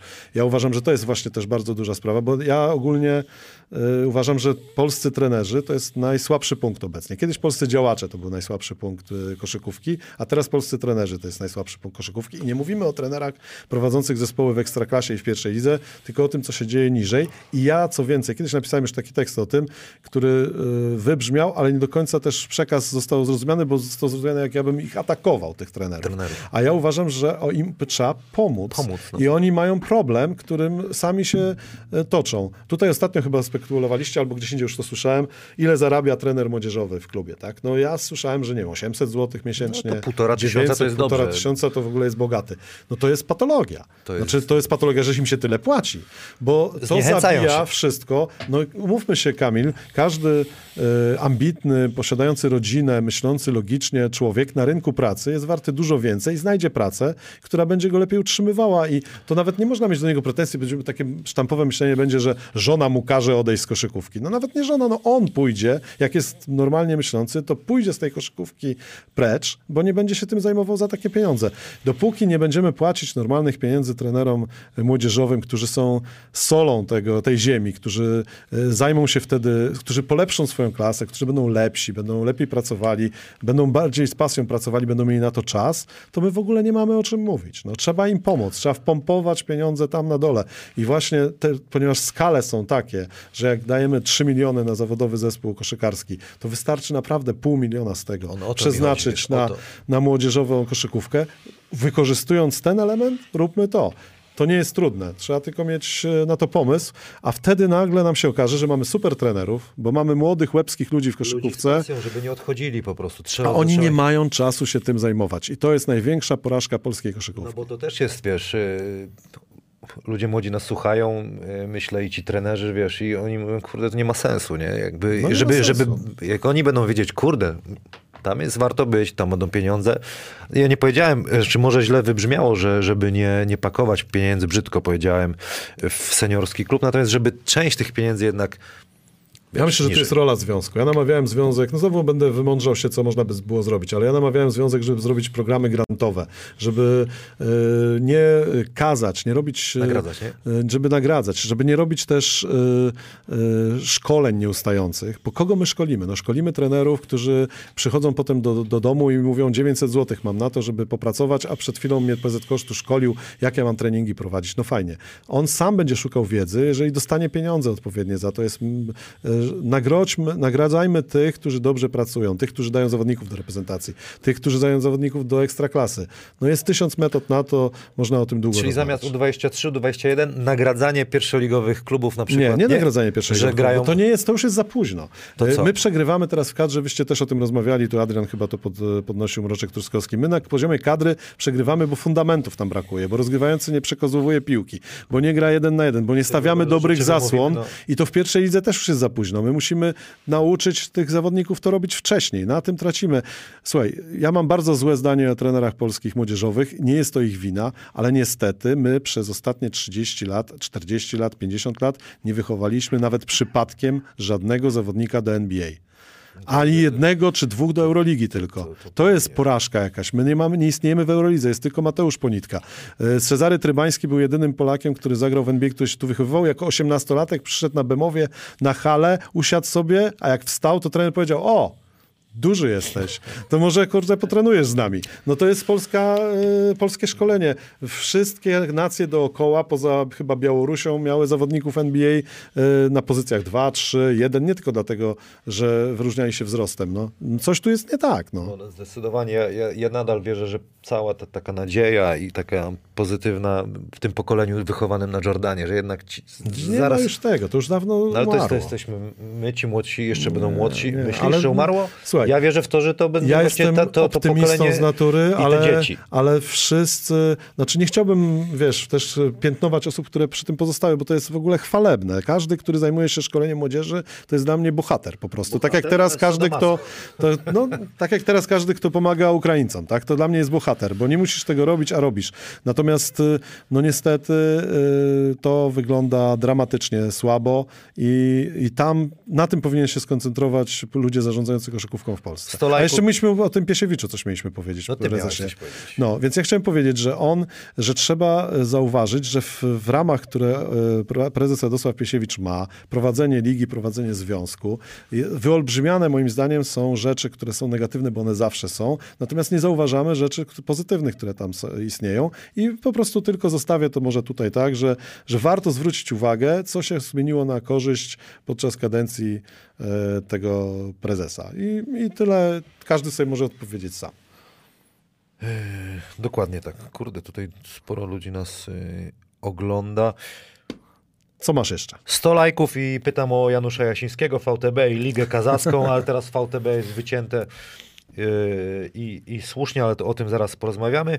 Piotr Nowak, pytanie z Twittera. Zapytaj proszę, jak to być, uwaga, nieobiektywnym dziennikarzem, który myli, myli bycie kibicem Anwilu z dziennikarstwem i strzela fochy z banowania po jednej o- uwadze. Nie live, a meliska. No dobra, no i widzisz. No, Więcej ja wiem, obiektywizmu jest ma Piotr trener Nowak. Radek. Pan Pianka, tak? Pan Pianka to jest. e, Tak. tak. No i pan Pianka. jest, nie? Wiem. No to pan Pianka, no, który jest poważnym gościem najwyraźniej. e, Jeżeli on pisze do mnie, że ja strzelam fochy, no to po prostu nie ma do mnie szacunku, tak? Bo ja nie strzelam żadnych fochów, tylko to już tłumaczyłem, dlaczego banuję i dlaczego nie chcę oglądać tego typu komentarzy. Znaczy ja jeszcze raz mówię, żeby być dziennikarzem, komentatorem, jestem oceniany od wielu lat, pracuję jako komentator 21 lat, 22 lata. Pracowałem jako dziennikarz przez 15 lat w Gazecie Wyborczej e, na odcinku newsowym i naprawdę myślę, że co do warsztatu, to ja poznałem wszystko. E, Nie mógłbym funkcjonować w tym zawodzie, gdybym nie był e, obiektywny. Ja uważam, że co innego jest dziennikarstwo, co innego jednak komentowanie meczów, bo to jest ten entertainment. I jeżeli ja, ja e, tylko pamiętajmy, co to jest obiektywizm. Ja nie jestem uprzedzony do nikogo. To jest najważniejsze. Ja oceniam sytuację z punktu widzenia obiektywnego. To, że ja na przykład nie lubię prezesa X albo ktoś mi powiedział o mnie nieprzyjemne słowo albo jakiś klub uważam za szkodliwy dla polskiej koszykówki, nie wpływa to jest, nie wpływa na to, jaki ja sposób opisuję rzeczywistość komentując mecz. Ja y, nadal oceniam być może kogoś negatywnie, oceniam kogoś pozytywnie, ale z punktu widzenia obiektywnego. Nie dlatego, że jestem do kogoś uprzedzony. Dlatego mm, no, odrzucam to po prostu, odrzucam to kompletnie i nie jestem żadnym kibicem żadnego klubu. Mój klub to był AZS Toruń. Do 90 roku byłem w Toruniu i chodziłem na trybuny i nawet klaskałem i krzyczałem jak AZS Toruń, który wtedy wchodził do Ekstraklasy z, e, najpierw z trenerem Szczechowiakiem, a potem z innymi, e, kibicowo. Tylko AZS-u Toruń już nie ma. Nie uważam, żeby twarde pierniki z Torunia były tym samym klubem. E, I nawet, nawet choćby z tego powodu e, no nie mam żadnych emocji. No potrafię po prostu sobie z nimi poradzić. Ja nie wiem w ogóle skąd się wzięły te problemy moje z obiektywizmem niby. Bo ja, tak jak powiedziałem, podnoszę ręce i krzyczę, że jest świetnie co do tego zespołu, który prowadzi, który wygrywa. Być może y, i, i przy rozgrywkach krajowych, których robimy, bo co innego jest jak robimy rozgrywki pucharowe, gdzie gra Śląsk z kim innym, tak, albo polski zespół na zagraniczny zespół, no to wtedy jesteśmy po stronie naszego zespołu. Natomiast tutaj, jeżeli ktoś wygrywa, to ja się cieszę. Co więcej, jak jest niespodzianka, uważam, że to jest jedyny wyjątek, który ja robię. Jeżeli jest niespodzianka, jeżeli wygrywa słaby zespół z lepszym, to wtedy krzyczę głośniej. Cieszę się bardziej, ponieważ to jest to, o co chodzi w sporcie. Przełamywanie barier, wygrywanie słabszego z lepszym. Natomiast ogólnie rzecz biorąc, ja rozumiem, że ktoś, kto jest nieobiektywny, czyli kibic, który kibicuje swoimi zespołowi, może być niezadowolony, że komentator jest szczęśliwy, że jego zespół przegrywa. No, ale ja nie jestem szczęśliwy, że jego zespół przegrywa. Jestem szczęśliwy, że tamten zespół gra dobrze, że wygrywa, że coś fajnego się dzieje na boisku. I z tego powodu podnoszę głos. To jest entertainment, Mamy rozrywka. ponad 100 łapek, ale zanim zapytam y, się ciebie o Janusza Jasińskiego, to o czym mówisz? Myślisz, że przyszłością, a może powinno nawet tak być, jeśli chodzi o komentowanie meczów, tak jak jest w NBA. Jest stacja główna, to jesteś na przykład ty i Jankes, masz Mhm. mecz, ale jak kibic chce, może wykupić sobie pakiet swojego, swoich komentatorów, takich domowych, że o już będą, wiesz, Nie ma na to rynku w Polsce, wiesz, no bo to... Nie ma zapotrzebowania, Bo to- gdyby tak było, no to byśmy mieli to samo w Eurolidze, nie wiem, w innych ligach. Nie, nie, ma nie, tego. nie ma czegoś takiego. No bo nie ma też rynku telewizji lokalnych. Yy, to tam opiera się na rynku telewizji lokalnych, tak? Oni sprzedają Kiedyś prawa TVP3 podwójne. Wrocław to Śląsk cały czas puszczało. No dobrze, no ale, Fajne ale, ale umówmy się, no o, kiedy ostatni raz oglądałeś TV, TVP3 Wrocław? No, chciałem wideo, słuchaj, przynieść, żebyśmy pospominali, ale stwierdziłem, że nie No. będę targał tego. Nie, nie, nie ma rynku telewizji lokalnych Trochę w Polsce. przykre, nie? Bo to więc- by było fajne akurat. No ale no tak się rynek telewizyjny ułożył, no po prostu nie ma o czym mówić. Dobra, mamy 111 lajków. Janusz Jasiński był tutaj w studiu i trochę tam y, cię atakował. Y, Ja nie pamiętam. Pamiętasz, pamiętasz, pamiętasz. Pamiętasz. y, Liga Kazachska. Nie Liga Kazachska. Tak tak Liga mówił, dla Kazachstanów. Liga Dobra. dla Kazachstanów. A dlaczego? No to dzisiaj teraz widzimy. Bo jeżeli się w Rosji zaczęło coś dziać, a wiemy, co się zaczęło, to nie jest eufemizm. No, w Rosji zaczęło się coś dziać. No, Rosja zaatakowała Ukrainę. To nagle wycofał się zespół z Estonii. Zastal nawet się nie wycofał, tylko zawiesił na razie. Myślę, że nie wróci do tego. E, zawiesił? Myślałem, że się wycofał oficjalnie. Nie, nie wycofał się oficjalnie, okay. tylko zawiesił swój udział. Ale to, to, to myślę, że to jest tylko język. To nie ma żadnego znaczenia. I kto został w lidze VTB? Kazachstan i Białoruś. No więc dlatego to jest liga dla Kazachstanu właśnie, bo oni bez względu na wszystko, co się będzie działo w Rosji, no trzeba mieć trochę wyobraźni, co się w Rosji może dziać i co Rosja, jak może funkcjonować, żeby wiedzieć, że dla właśnie państw, które są powiązane, tak jak Białoruś, tak jak Kazachstan, powiązane z Rosją w stosunku, no trzeba chyba powiedzieć, wasalnym, tak? No to dla nich jest ta liga, bo oni, on, tam są różne mechanizmy, które są no, niedemokratyczne w sensie e, tutaj zachodnim, gdzie my jesteśmy, myślę, jednak demokracją zachodnią. ZSRR League. To jest Liga ZSRR po prostu i dlatego to jest Liga dla Kazachstanów. No ja to powiedziałem. Ja nie powiedziałem, że to jest no, kazachska liga. E, ale, Dlaczego? Ale bo, bo znaczy, ja nie jestem w stanie zrozumieć, dlaczego ktoś nie rozumie, dlaczego ja krytykuję udział Zastalu w lidze VTB. Znaczy, rozumiem, że ktoś mm, chce grać w lidze VTB i rozumiem, dlaczego Zastal chce grać w lidze VTB. Bo to jest e, sposób na zamknięcie budżetu w sytuacji, w której jest ten klub. To jest absolutnie dla mnie zrozumiałe. Natomiast to, że przy okazji są szkody, to jest dla mnie też oczywiste. My z punktu widzenia telewizyjnego nie możemy y, pokazywać meczów za stalu w niedzielę, w sobotę, kiedy są najlepsze, y, najlepsze sytuacje oglądalnościowe i najlepsze anteny i czasami najlepszy wóz także jedzie, dlatego że oni w weekend byli na ogół zaangażowani po stronie rosyjskiej. Największa awantura zeszłego sezonu jaka była, Kamil? O bańkę w Ostrowie. Dlaczego była bańka w Ostrowie? No bo słyszałem, że tylko jako jedyny Ostrów się zgłosił, że ją zorganizuje. Nie, bańka w Ostrowie w ogóle pomysł pojawił się tylko dlatego, że trzeba było skomasować ligę, zanim dojdzie do playoffów Ligi VTB, żeby zdążyć zagrać. A można było to zrobić tylko, jak będzie, będą rozgrywki w jednym miejscu co dwa dni. Bo jakby trzeba było jeździć co no trzy tak, dni w jedną stronę. Na dzień już jechali, czy tam parę dni później? No, no. No, no, nikt na to nie zwrócił uwagi. No przecież to było wyłącznie po to pod Zastal robione. To była szkoda dla ligi, zrobiona wyłącznie dlatego, że Zastal musiał uczestniczyć w lidze VTB. Nie można było tego zorganizować, jako że miał pierwsze miejsce? No przecież prezes mówił, Mówi. że nie miał poparcia z miasta, żeby okay. zapłacić pieniądze, które były trzeba, żeby zorganizować. Ale chodzi o to, że sama konstrukcja, sam pomysł na to, żeby zrobić bańkę, pojawił się tylko i wyłącznie z tego powodu. To są te problemy, które widzisz, powoduje udział tak w lidze VTB. Nie, nie, bo nikomu, nie, nikomu w niczyim interesie nie jest to, to mówić. No po co, po, co, po co na ten temat debatować? No ale wtedy zamykasz y, wszystkim ludziom jakby kibicom. Nie, nie wszystkim. No. Zamyka, wszystkie, wrzucasz... Ja, ja przepraszam. Nie, ja rozumiem, y, ale Kamil, ja rozumiem pani prezesa Piesiewicza, że na ten temat się nie wypowiadał, bo gdyby wrzucił taki wątek, to by zrzucił całą winę na Zastal Zielona Góra. To nie byłoby fair.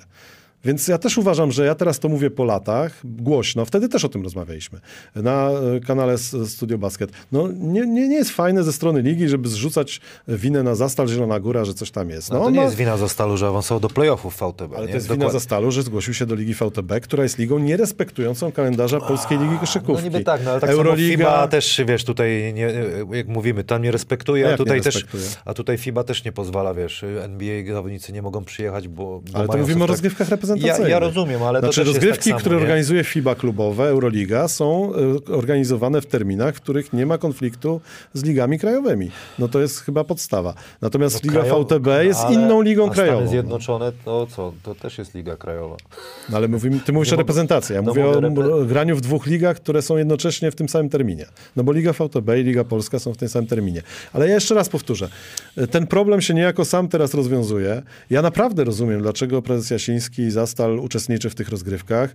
Ja naprawdę rozumiem, dlaczego y, to jest dla nich ważne i y, dlaczego wybrali tę drogę. Natomiast ja uważam, że to jest zła droga. I teraz na przykład przy okazji wojny w Ukrainie, mówisz, nie mówię, że, że można było mówisz, to przewidzieć. że politycznie to jest zła droga. Tak? Ale to, to, nie jest, y, to nie jest to miejsce, w którym ja bym chciał widzieć polskie, polskie kluby. Także z tego względu, co się teraz stało i myślę, że po części można było to przewidzieć. Jeżeli ktoś mówi teraz, że można było przewidzieć, że Putin zaatakuje Ukrainę, to też można było przewidzieć, co tu się na tym odcinku wydarzy i dlatego Liga dla Kazachstanów, no po prostu. No, to, to jest taka liga, w której zespoły z Kazachstanu zostaną. A miało dojść w ogóle do waszego spotkania po tej mojej rozmowie, nawet doszło do rozmowy między wami, prawda, telefonicznej i... Nawet się spotkaliśmy, ale... Fajnie było? Nie, nie, no ja mam szacunek dla każdego człowieka, który robi koszykówkę. No, uważam, że prezes Jasiński e, jest człowiekiem, który zrobił koszykówkę w Zielonej Górze. O, tak? zdecydowanie. No. E, natomiast e, no, mam do niego niego jakieś tam moje osobiste zdanie jest y, o nim takie czy owakie. Natomiast y, ja stwierdziłem w którymś momencie i to powiedziałem prezesowi Jasińskiemu, że nasz spór na jakikolwiek temat nie jest po prostu potrzebny. Ja nie będę toczył tego sporu publicznie. I, no i nie toczę go. A przyjechalibyście kiedyś tutaj, byśmy sobie taką debatę, byście sobie Ale pogadali, ja bym myślę, że pił. na ten moment to jest niepotrzebne. Ale no. żeby ktoś zapłacił za to, rozumiesz jeszcze. Na ten moment to jest niepotrzebne. Kamil, bo ja uważam, że to priorytetem dla Zastalu Zielona Góra jest wyjść z długów. Zdecydowanie. I jeżeli prezes Jasiński do tego doprowadzi, to wtedy będziemy klaskać. Ale- I czekam na ten moment po Popatrz, no prostu. bo co jakiś czas ktoś tam na Twitterze się zgłasza, y, że zalega, zalega. Też wiem z y, takich swoich y, insiderskich y, wiadomości, że spłacane są te jednak te długi. Część chłopaków już jest No spłacona. dobrze, ale są spłacone? Część. No, więc wiesz, ja. No dobra, mogę powiedzieć tak. Ja uważam, że droga, którą przyjęły kluby, które już to przeszły, jak Śląsk Wrocław, jak Anwil Włocławek, jak Aseko Gdynia, była lepsza. Oni w pewnym momencie zniknęli, Śląsk nawet z ekstraklasy. E, Czy, czy teraz Śląskowi brakuje kibiców, brakuje popularności, a to jest ta sama spółka, która kiedyś wycofała się z ligi. Wiem, wczoraj rozmawiałem z, z, z nie powiem z kim, ale jest rewelacja, jeśli chodzi o płatność. Właśnie, ale to jest ta sama spółka, ta sama firma. Nawet nie musieli się przekształcać, likwidować, po prostu spłacili wszystko, co im kiedyś zawadzało, wycofali się z ligi, zaczęli od drugiej, zbudowali swoją prestiż, pociągnęli za sobą kibiców. Teraz mamy czasami nawet ponad 4 tysiące ludzi na Ludowej, prawda? Yy, I ta droga mi się podoba. Ta droga mi się bardziej podoba. Trwało to parę lat, ale jest e, Śląsk-Wrocław na topie. To, co, ta droga, którą wybrał prezes Jasiński, jest moją mniej ulubioną. I tyle. Wojo 11, że Ukraina do NATO wejdzie zanim on, on czyli Janusz Osiński długi pospłaca. Ja życzę panu prezesowi Jasińskiemu, żeby pospłacał wszystkie długi, które Wszyscy ma. życzymy, wszyscy życzymy, bo- niech się dogadają z miastem, bo to też y, będzie z, Niech się dogada z miastem, niech się miasto dogada z nim, wszystko jedno jak to jest. Dla wszystkich bardzo dobrze. dobrze, nam potrzebna jest bardzo mocna e, Zielona Góra w, na topie e, ligi i tego życzę, żeby to się udało. y, 11 jest, jeszcze chwilę? No nie, no jeszcze jedziemy chwilę. Siku mi. Co ty z tym siku? 15. No daj spokój. 15 minut jeszcze. No jedziemy co najmniej 15. Y, Zbigniew Domaracki Ostojo. I to jest, kurde, tutaj ciekawe, bo pan Zbigniew, No ale to najpierw przeczytaj pytania, a potem pogadamy coś o Nie Zbigniewie. no, pan Zbigniew się pojawił na Twitterze, słuchaj, i do mnie, panie Hanas, bo tutaj y, słyszałem, że pan y, coś tam lubisz moje, ten, a to on tego nie założył konta, więc nie wiem, ktoś się wygłupia, mamy podejrzenia, że... y, Wiemy, kto to jest. ty wiesz, co to jest? No nie, no tak przypuszczam. To jest jodła? Słuchaj, no parę... Ty nie może to jest jodła. No, słuchaj, wiesz. Jodła, jak to, to jesteś ty, to jesteś Wiesz mistrzem są- świata. są- są- Tarek Krajs powiedział, że to na 100% jodła. Czy nie pamiętasz Są takie swojego... dwa, dwie, dwie poszlaki, słuchaj. Jak zawsze, po pierwsze, kto y, najwięcej robi zamieszania wokół tego, ten jest wydaje- winny. Ale jak jest to na pewno. jodłę, to nie pasuje mi styl pisania do, do pana Jody. Mi się wydaje, że to jest pan Ale Zbigniew. my nie doceniamy jodły. E, ja, słuchaj, im bardziej Zbigniew Domaracki, e, Ostoja Domaracki stara się być Zbigniewem Ostoją Domarackim, tym bardziej jest to jodła. No. Ja zresztą Mateusza pytałem wprost, czy to jest on. I co? E, zaprzeczał przez 15 minut, więc myślę, że myślę, że to też jest znaczące. Nie, no pozdrawiam Mateusza, Ja bardzo też cenię Mateusza go. po- pozdrawiam. Super robota, ale na, nie, nie lubię takich akcji, wiesz, nie lubię akcji podszywania się na Twitterze, czy tam udawania kogoś innego. Nie lubię e, Ale jest, akcji jest, ale jest- chowania ja- się. W ogóle nie cenię ludzi, którzy na Twitterze nie potrafią pokazać twarzy. Uważam, że to jest bez sensu zupełnie. Ja nie mam- wiem, dlaczego to jest. Dobrze, że mam chociaż nazwisko i imię napisane. Nie, ale wiesz, jeżeli wiadomo, kto to jest, no to to jeszcze jest usprawiedliwione. Ale- No, ale ale y, ja nie uważam, że Zbigniew Ostoja Domaracki jest Zbigniewem Ostoją Domarackim. Chętnie się przekonam, że kilku jest. procent, że jednak może być panem Zbigniewem? Nie, nie, nie, nie biorę kilku procent. A mamy jakiegoś hakera, który by to... O ruscy hakerzy napisał pan Adam. nam jakieś boty, wiesz, się wbijają na czata. Fajnie się gada, nie? No. Kosiku mi się chce. Za mało czasu mamy, Kamil. Musimy jeszcze dokończyć kiedy indziej. Przyjedziesz, no tutaj w finał marzeń, to my już wiemy jaki, więc A może nie się... powiedzieliśmy jaki. Powiedzieliśmy jaki? No nie chciałeś. Nie, nie mówiłem. No, Jak zawsze gdzieś poszło gdzie indziej, no. Znaczy tutaj dla kibiców y, Wrocławia to Śląsk Anwil. No pewnie tak. Nie, ja myślę, że Śląsk Stal to byłby taki finał, y, który nam by coś pokazał. Milicic kontra Urlep ponownie. Logistycznie rozmawialiśmy idealnie, nie? E, No, ja bardzo lubię i Wrocław, i Ostrów. Świetny czas spędziliśmy w Ostrowie w zeszłym sezonie, chociaż ten hotel, gdzie mieszkaliśmy, się spalił podobno niedawno, ale to nie z naszej winy. Natomiast, y, no, Tam, gdzie te suknie ślubne? W Ostrowie mówimy? Nie, nie, to Komeda, to nie, Komeda. nie. Myśmy byli gdzie indziej, tam obok sali tej nowej, no także spokojnie. Ale myślę, że Włocławek, Śląsk e, to jest też znakomite. Włocławek Ostrów, bo też przecież jeszcze takiego czegoś nie było e, w ostatnich trzech latach, to też byłyby super rzeczy. Także ja bym po prostu tylko chciał, żebyśmy, e, znaczy Uwielbiam Czarnych Słupsk za to, co, co się w tym sezonie dzieje, ale póki nie wybudował Słupsk nowej hali, to ja jeszcze chciałbym tu popracować w takich super warunkach, jak są na Ludowej i, i w Ostrowie, czy, czy, czy we, Wrocł- w, we Wrocławku. A Chciała, musimy do tego Słupska pojechać jeszcze w tym sezonie, bo ciągle nam coś nie po drodze jest. No no. właśnie, stepie, stepie szerokie, jak tam zaśpiewają, to ciary można mieć. Ja tam A jeszcze śpiewają? A jak, na rozgrzewce. Tak? Ale teraz byłeś w tym sezonie, wiesz, tak? No tak, słucham, to chyba tak, śpiewają. Śpiewacie? Tutaj jest No ktoś właśnie, ze ktoś Słupska? napisze. Leci z stepie szeroki przed tym. To ile to już, kurde, czasu leci? Coś chciałem zapytać, cholera jasna. No a co, a co Zbigniew, tak zwany Zbigniew Ostoja pytał mnie, że co? Jodła, o co pytał? E, skąd pan wymyślił obrony strefami? No to, ale to nie ja wymyśliłem, a to jest bardzo dobre Po pytanie. konsultacjach z koszykarzami otrzymałem zgodny odzew, że nie ma czegoś takiego. Broni się strefą. Proszę o używanie poprawnego nazewnictwa podczas transmisji. Ale co jest poprawne, to nie decyduje pan Zbigniew ani pan Mateusz. Przypomina mi to trochę próbę zwrócenia na siebie uwagi, którą chciałeś pan zabłysnąć, nazywając zawodnika Anwilu Szczele, kiedy on sam mówisz, że prosił, to by nie nazywać jest- go Skele. Ale to, ty, ty, nie, to też Dokończę. Proszę o atencję kibiców, walczyć fachowym komentarzem, tak jak pan Jankowski, którego pozdrawiam, a nie wydurniać się tworząc nową mowę. Ale teraz Kamil, popatrz na mnie i powiedz tak, czy ty, jak to czytasz, to nie słyszysz Mateusza Jedowskiego? Szczerze? To? Ja słyszę. nie. E, słuchaj. Może za e, mało z nim rozmawiałem. Nie, no to ty z nim więcej agentem. rozmawiasz niż ja. Ale e, merytorycznie mogę bardzo chętnie na to odpowiem. Dawaj. Obrona strefami to jest termin, który używał Jerzy Świątek, Andrzej Kuchar, czyli trenerzy reprezentacji Polski z lat 80. Są w podręcznikach z dawnych lat i zostało przekształcone, tak jak e, dzięki pracy wielkiej telewizji nagle pojawiła się zbilansowana obrona w Polsce, czy zbilansowany atak, co jest kompletną bzdurą, bo Amerykanie mówią zbalanced, balanced, czyli zbalansowana, zrównoważona, a nie bilansowana, bo bilans to jest minusy i plusy, więc to się w ogóle nie trzyma kupy.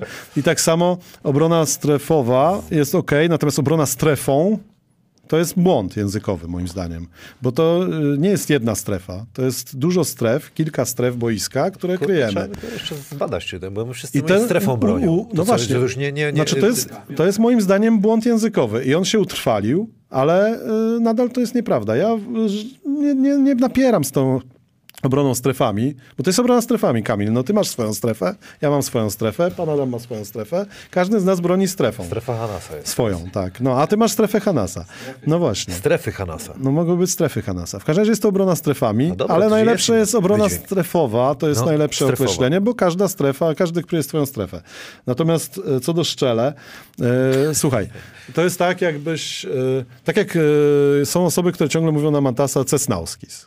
No, mówi się, on się nazywa Czesnauskis, tak? Tam jest ptaszek nad C i tak się po prostu mówi. No. E, Skele ma ptaszki nad S i nad K i to się czyta szczele, tak dokładnie ściele, jeszcze żeby było jasno. Ja go o to No widzisz. pytałem, bo zasadę, którą przyjąłem sobie wiele lat temu, że będę zawodników pytać, jak się jego nazwiska wymawia i on mi powiedział tak, no ściele się mówi, ale przecież nikt ci tutaj nie uwierzy, jak będziesz chciał tak mówić, więc ja już powiedziałem, mówcie skele, żeby był spokój.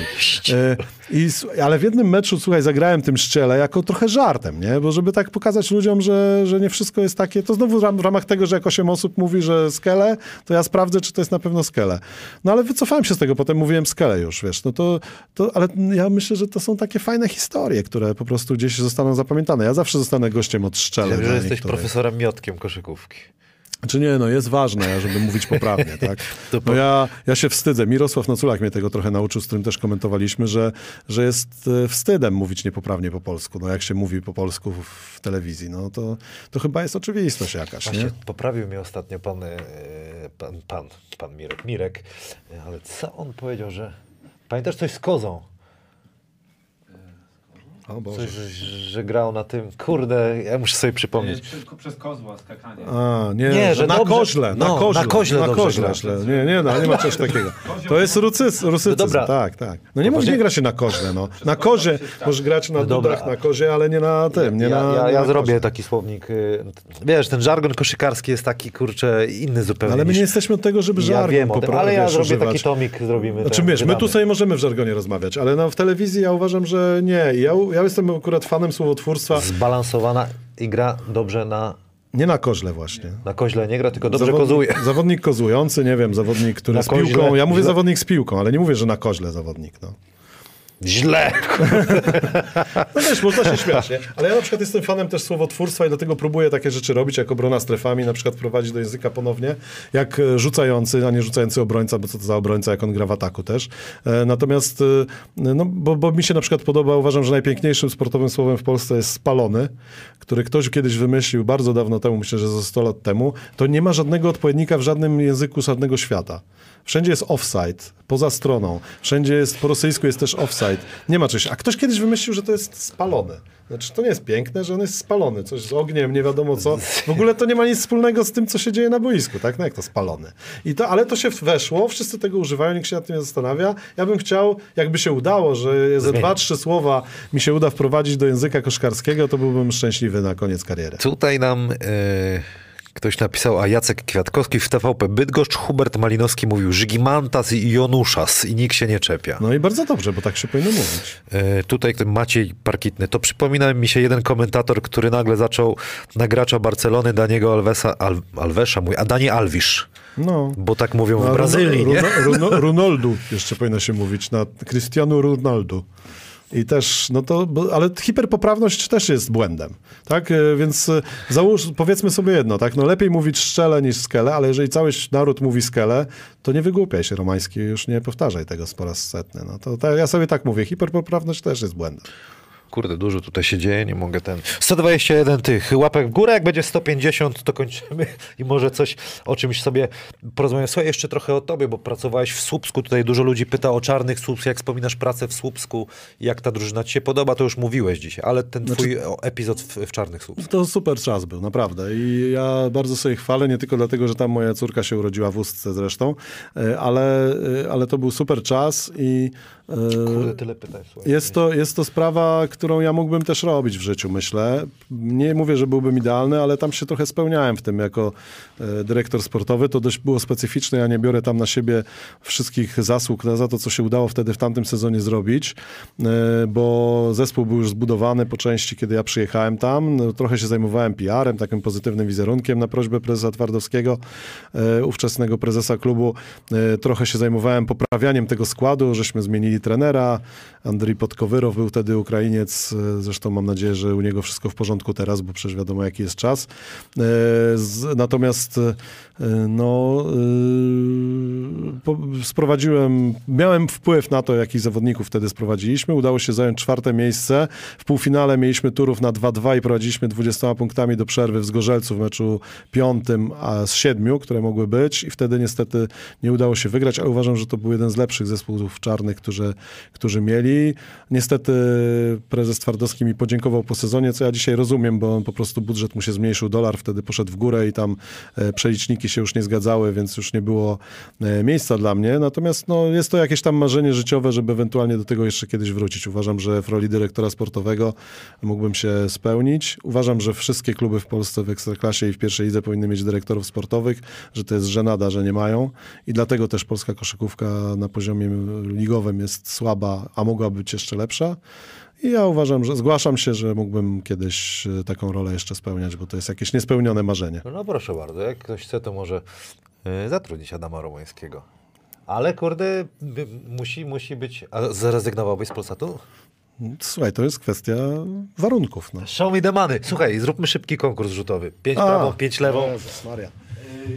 Yy, trzy będziesz na tym, na, na będę ten leciał Ale i będziesz razu? atakował. Słuchaj, ja jestem, wiesz... Pierwszy ten, pierwszy jak trafisz, to lecimy, a jak nie, to od drugiego. Cztery razy, ale... Pięć prawą, mi- pięć lewą. Marynarka mi przeszkadza. Nie, no dobra, będziemy Dobra. O, Dobra, erbole. lecimy teraz. Nie, słuchaj, słabo będzie. Jedną, jedną, jedną, będzie mocniej Jedną? musisz. Patrz, co się dzieje. Fig. Nie. 0,3, dasz radę. Był rekord 0, 0 kac padał. Jeszcze podał jeden zero? prawo. Nie, tak, Kac podał zero, to ja też mam. O, Jezu, dostałem headshota. Lewą teraz. Lewą? Uwaga Jestem na z ten. natury leworęczny, ale rzucałem prawą. No nic nie będzie. Spokojnie, jeszcze masz sporo rzutów. Yes! No a to można i spać spokojnie. Ciśnienie zeszło, ile tam jeszcze dwa lewą. Kiedy ja grałem ostatni raz, to już było dawno temu. Dwa. I Dobra, obrona strefami teraz. Obrona strefami. O, widzisz, Pierwsza deskę strefa, trzeba. od razu. Każdy z obroń strefami bronimy. Dawaj, jedziemy. Ostatni. Panie Adamie, co ty tam pan robisz? Ja trzymam e, kubek.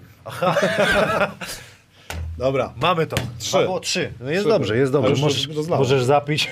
Żeby tak jak w domu, ty jak się wyleje to skarpetką. Co ty się przejedziesz?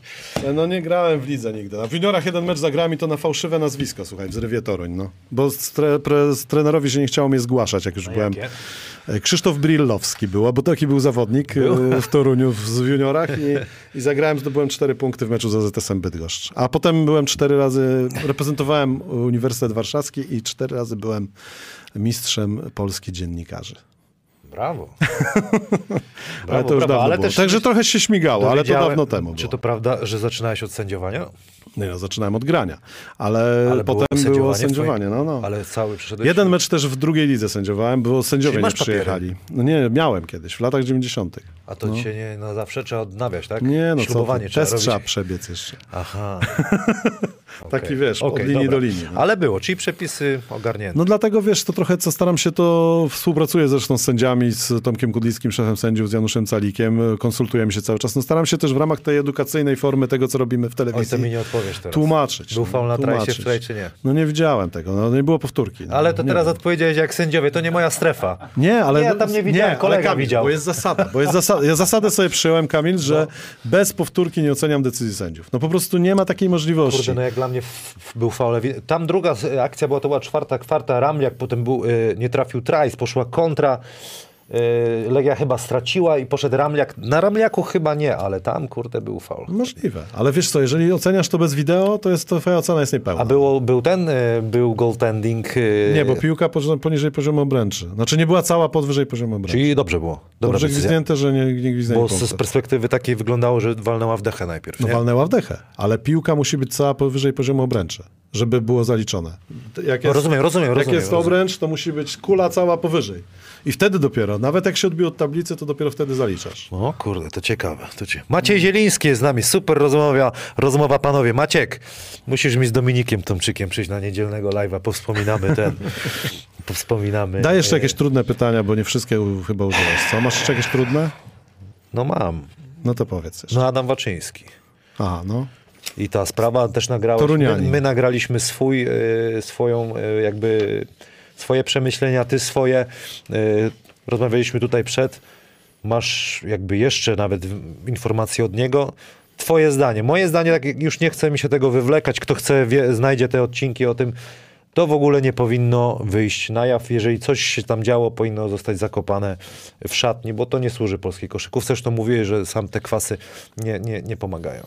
No nie, nie, nie, nie, nie, nie, zdecydowanie nie. Znaczy to jest smutna historia, wiesz, e, trzeba pamiętać tylko, że ja uważam w takich momentach, też w ramach tego mojego myślenia o sprawach, że czasami są sprawy nie 0-1, tylko czasami są sprawy takie pół-pół, tak, że, że jest, że, że tak naprawdę nie ma z jakiejś sytuacji dobrego wyjścia na przykład, tak, że oba wyjścia są złe i tak jest, taka tutaj się sytuacja rozegrała, no. Yy, Adam Waczyński, no ja jestem z Torunia, Adam jest też z Torunia, z tatą Adama, e, żeśmy się tam e, kilka razy spotykali, ja byłem kibicem, jak e, Witek Waczyński grał w AZS-ie Toruń właśnie, to były te czasy, więc gdzieś tam Adama karierę śledziłem od samego początku. E, Bardzo go cenię, uważam, że to jest znakomity zawodnik i fantastyczny chłop.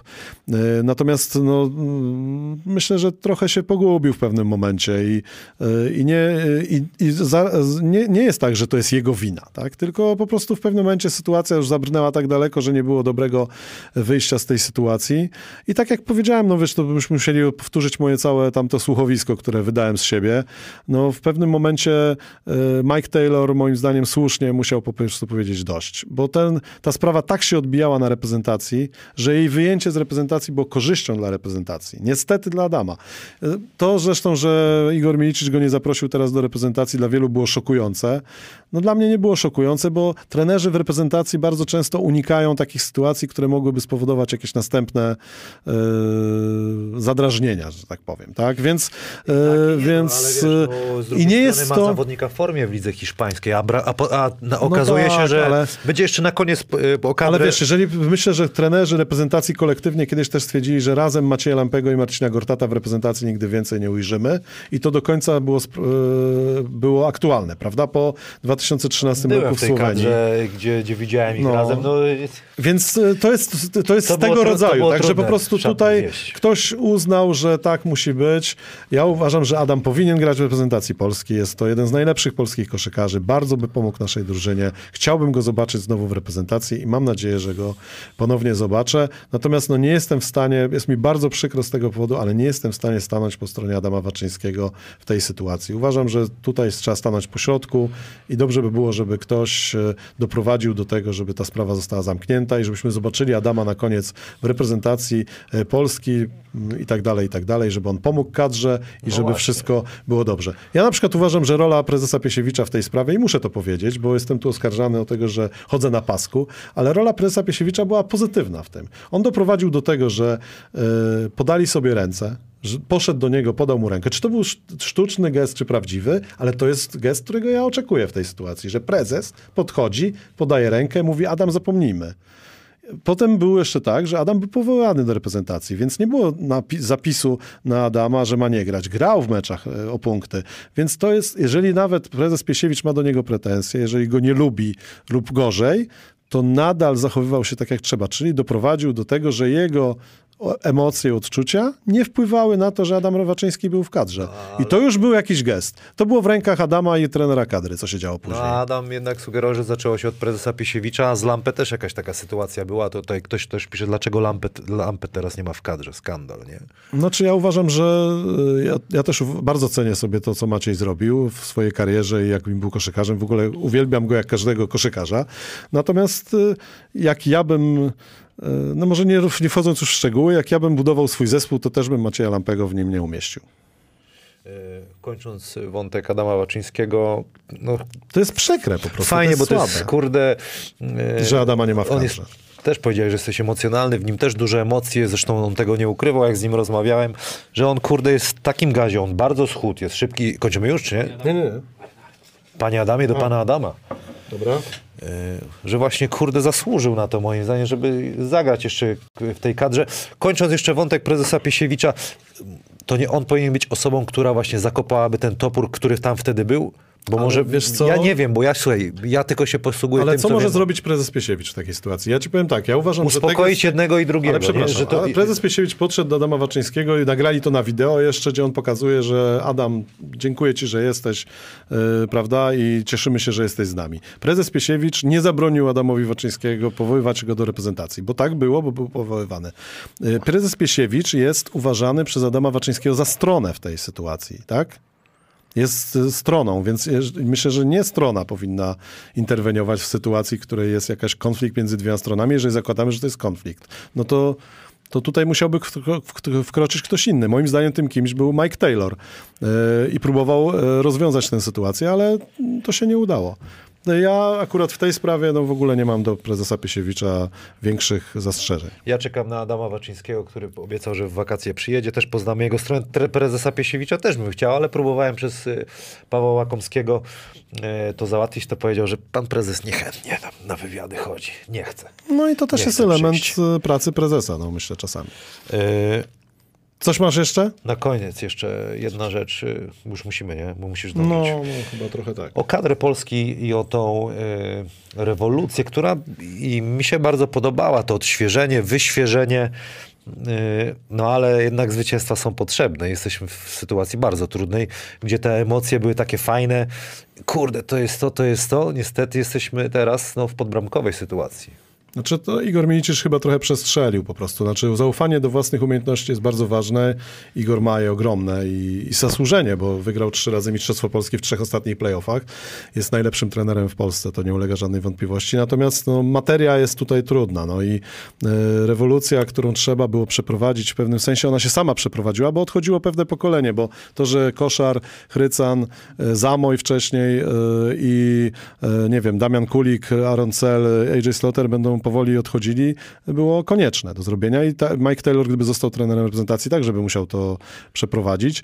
Natomiast y, ja myślę, że niepotrzebny był tutaj radykalizm. Niepotrzebny był tutaj radykalizm, tym bardziej, że wszystkie doświadczenia z mojego życia koszykarskiego i z całego e, naszej historii po, po, pokazują, że jak się nie zostawia w grupie, w klubie czy w reprezentacji ludzi doświadczonych, którzy wiedzą, co się dzieje, to pojawiają się problemy.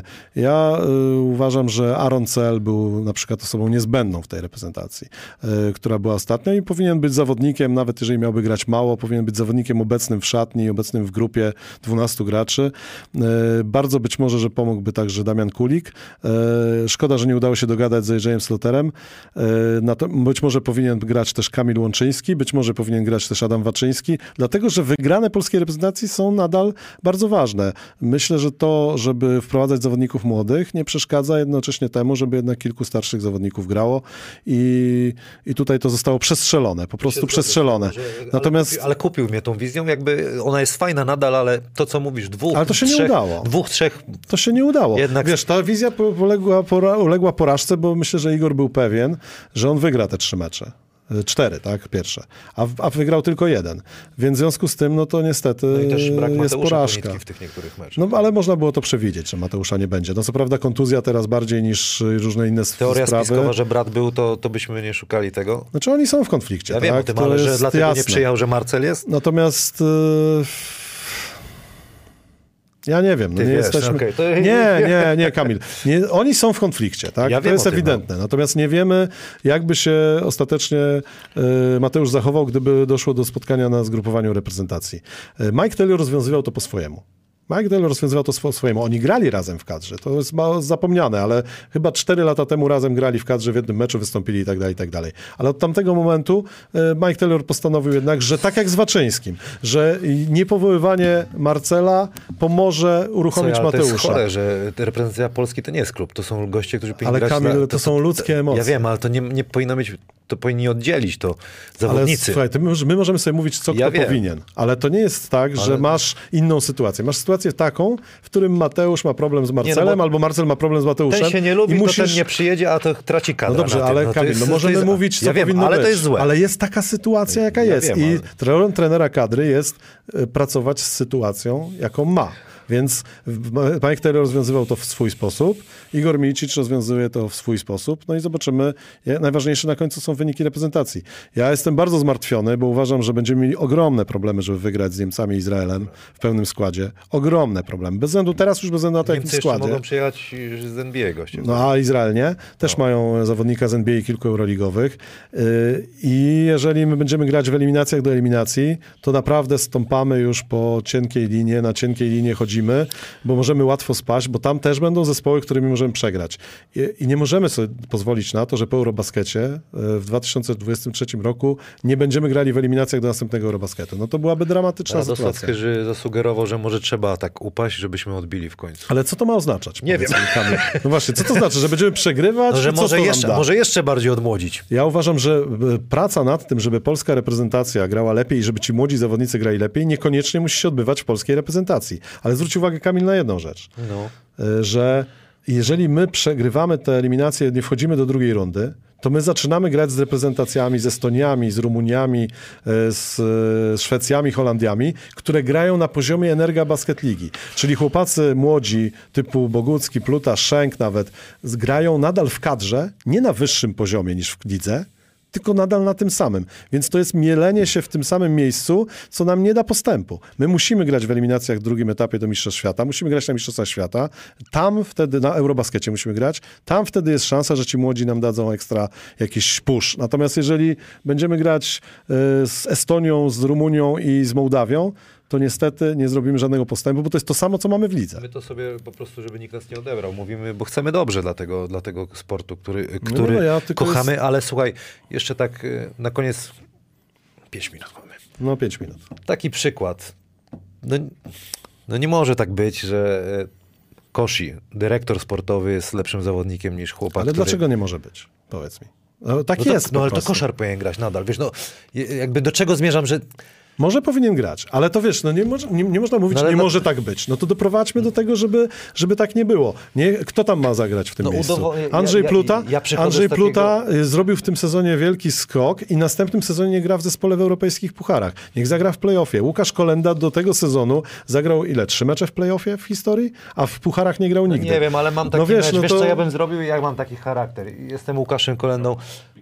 Kurde, nie wiem, może ktoś powie, że meczu nie oglądałem, ale no ja bym chciał kryć koszarka i po prostu nie- zrobię wszystko, żeby połowy nie przed, po prostu pokazać, że jestem lepszy, wiesz, takie, tak, tak, czegoś No takiego oni tego nie brakuje. robią?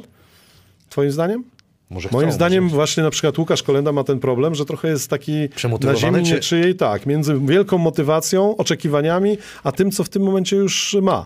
Ja myślę, że Łukasz Kolenda na przykład jest doskonałym przykładem, jak bardzo źle odbieramy młodych zawodników. No my go ciągle walimy w niego jako społeczność koszykarska za to, czego on nie umie. Ja mam, gram czasami w NBA Live i tam Jeff Van, Gundy mówi o jakimś zawodniku, jest takim, już słyszałem to 100 Ty razy, bo ten NBA? zawodnik... Ten na, konsoli? na PlayStation troszeczkę. A jak, na, na, jak, jaki ten? NBA Live? To który to grasz w NBA? No bo, jeszcze, bo NBA Live mi bardziej odpowiada niż NBA 2K. No dobra, ale która seria? No ostatnią, ostatnią. No to 20 19 była ostatnia. No. A w Live'a, no tak, No. ale 2K22 jest pyszne. Ale no nie, no muszę się przedstawić. A na piątce czy na co? Jeff Van Gundy Nie musimy zagrać. Jeff Van Gundy mówi tak, jak patrzysz na tego zawodnika i będziesz wymieniać, co on nie umie, to zawsze wpadniesz w pułapkę, za, zwróć uwagę na to, co on umie. I tak powinniśmy patrzeć na koszykarzy. Jak będziemy cały czas mówić, że Łukasz Kolenda czegoś nie umie, to nigdy nie zwrócimy uwagi na to, co on już umie. A on umie naprawdę bardzo dużo. I tak, tak właśnie ja patrzę na basket. No. To musimy inny odcinek jeszcze zrobić. powiem ci szczerze. Kolejny. no ale ty masz jakieś uwagi do Łukasza Kolendy, że ogólnie do, do sypu pierwsza liga i w ogóle? Nie, broń Boże, do sypu. To jest fajny chłopak. Natomiast no, to jest jego też pierwszy sezon y, poza treflem, w którym uważam, że miał gdzieś tam taki parasol. Był No za późno. za późno. Za I, późno. I, I wszedł do drużyny, Ale- gdzie ma Trajsa, może na co innego Zobacz, liczył. wreszcie- Chciałbym tego chłopaka zobaczyć, jak je, drużyna jest pod nim. Ale wreszcie w tym sezonie, za wcześnie też do końca. Łukasz Koszarek też jak nie dostawał. lat? Łukasz Koszarek 22, 23 za chwilę.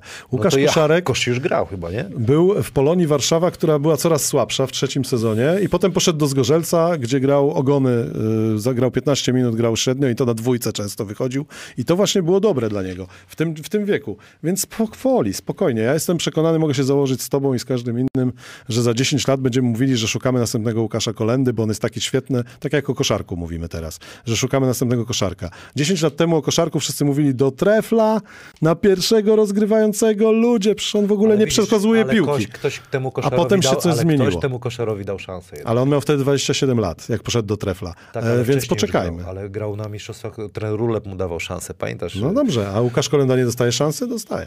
Musimy kończyć. Musimy... A w połowie, po, pokaż mi tu, no nie poskreślałeś nawet połowy, no. No wiem, ale na wiele odpowiedziałeś, bo tylko nie, nie, nie cytowałem dokładnie. Marzena K., nie wiem czemu pan się, Adam, przejmuje dziećmi na czatach. y, Dzieci na czatach będą zawsze za uszy wytargać i do konta robić swoje dalej. Pozdrawiamy. Dziękujemy wam bardzo, że jesteście tutaj z nami. Dziękuję bardzo, bo ja nie, nie chcę nikogo targać za uszy. Niech a dzieci, jeżeli są dzieci, to niech sobie będą dzieci. Jeżeli, no. jeżeli nie odpowiedziałem na, nie zadałem czegoś pytania, to z góry przepraszam, ale myślę, że sporo się dowiedzieliście. To może jeszcze zrobimy to kiedyś w jakimś No e, koniecznie, koniecznie, sobie koniecznie, koniecznie. Muszę Jeszcze, jeszcze bym ten, a ja muszę siku. Dziękuję ci bardzo, cele. Adam. Tak jest. E, Dziękujemy, Zapraszamy byliście... do Polsatu Sport i na Emocje TV. Dzisiaj, Mogę? dzisiaj oczywiście, i Studio Adrom jeszcze na kanale YouTube. No, na razie zawieszam, bo mówię, te zdarzenia ostatnie mnie przekonały, że jednak muszę troszeczkę odpocząć od tego. Przy playoffie może wrócimy, jak, jak będzie zainteresowanie. Także zapraszamy, dziękujemy. Tarczyński Arena Wrocław, zakłady bukmerskie, Winner, obstawiajcie mecze, o których mówiliśmy, a zresztą zaraz pan Adam chyba tam napisze, jak mu się będzie chciało, które mecze można typować. 20 zł bonusu at e-Winnera, Sportboxy. Fajnie było? No pewnie. Ale ty Adam oglądasz jednak te nasze coś tam rzeczy, te nasze wypociny. Nie, no oglądam, miło ale to nam, nie są miło nam, wypociny. miło to nam. nie są wypociny, bo wy macie fajne spojrzenie, którego ja nie mam. No i ja zawsze wolę obejrzeć, jakbym miał Adama Romańskiego słuchać bez przerwy, to bym zwariował. Wolę, wolę Dlatego was. ja też lubię te inne, wiesz, mądry, ktoś mądry zawsze słucha albo, albo z innego środowiska, albo starszego, tak jak wspomniałeś. O, a starszego zawsze trzeba posłuchać. I to nie mówię dlatego, że jestem starszy. Jeszcze raz dziękuję, panie Adamie też dziękuję i do zobaczenia już niedługo.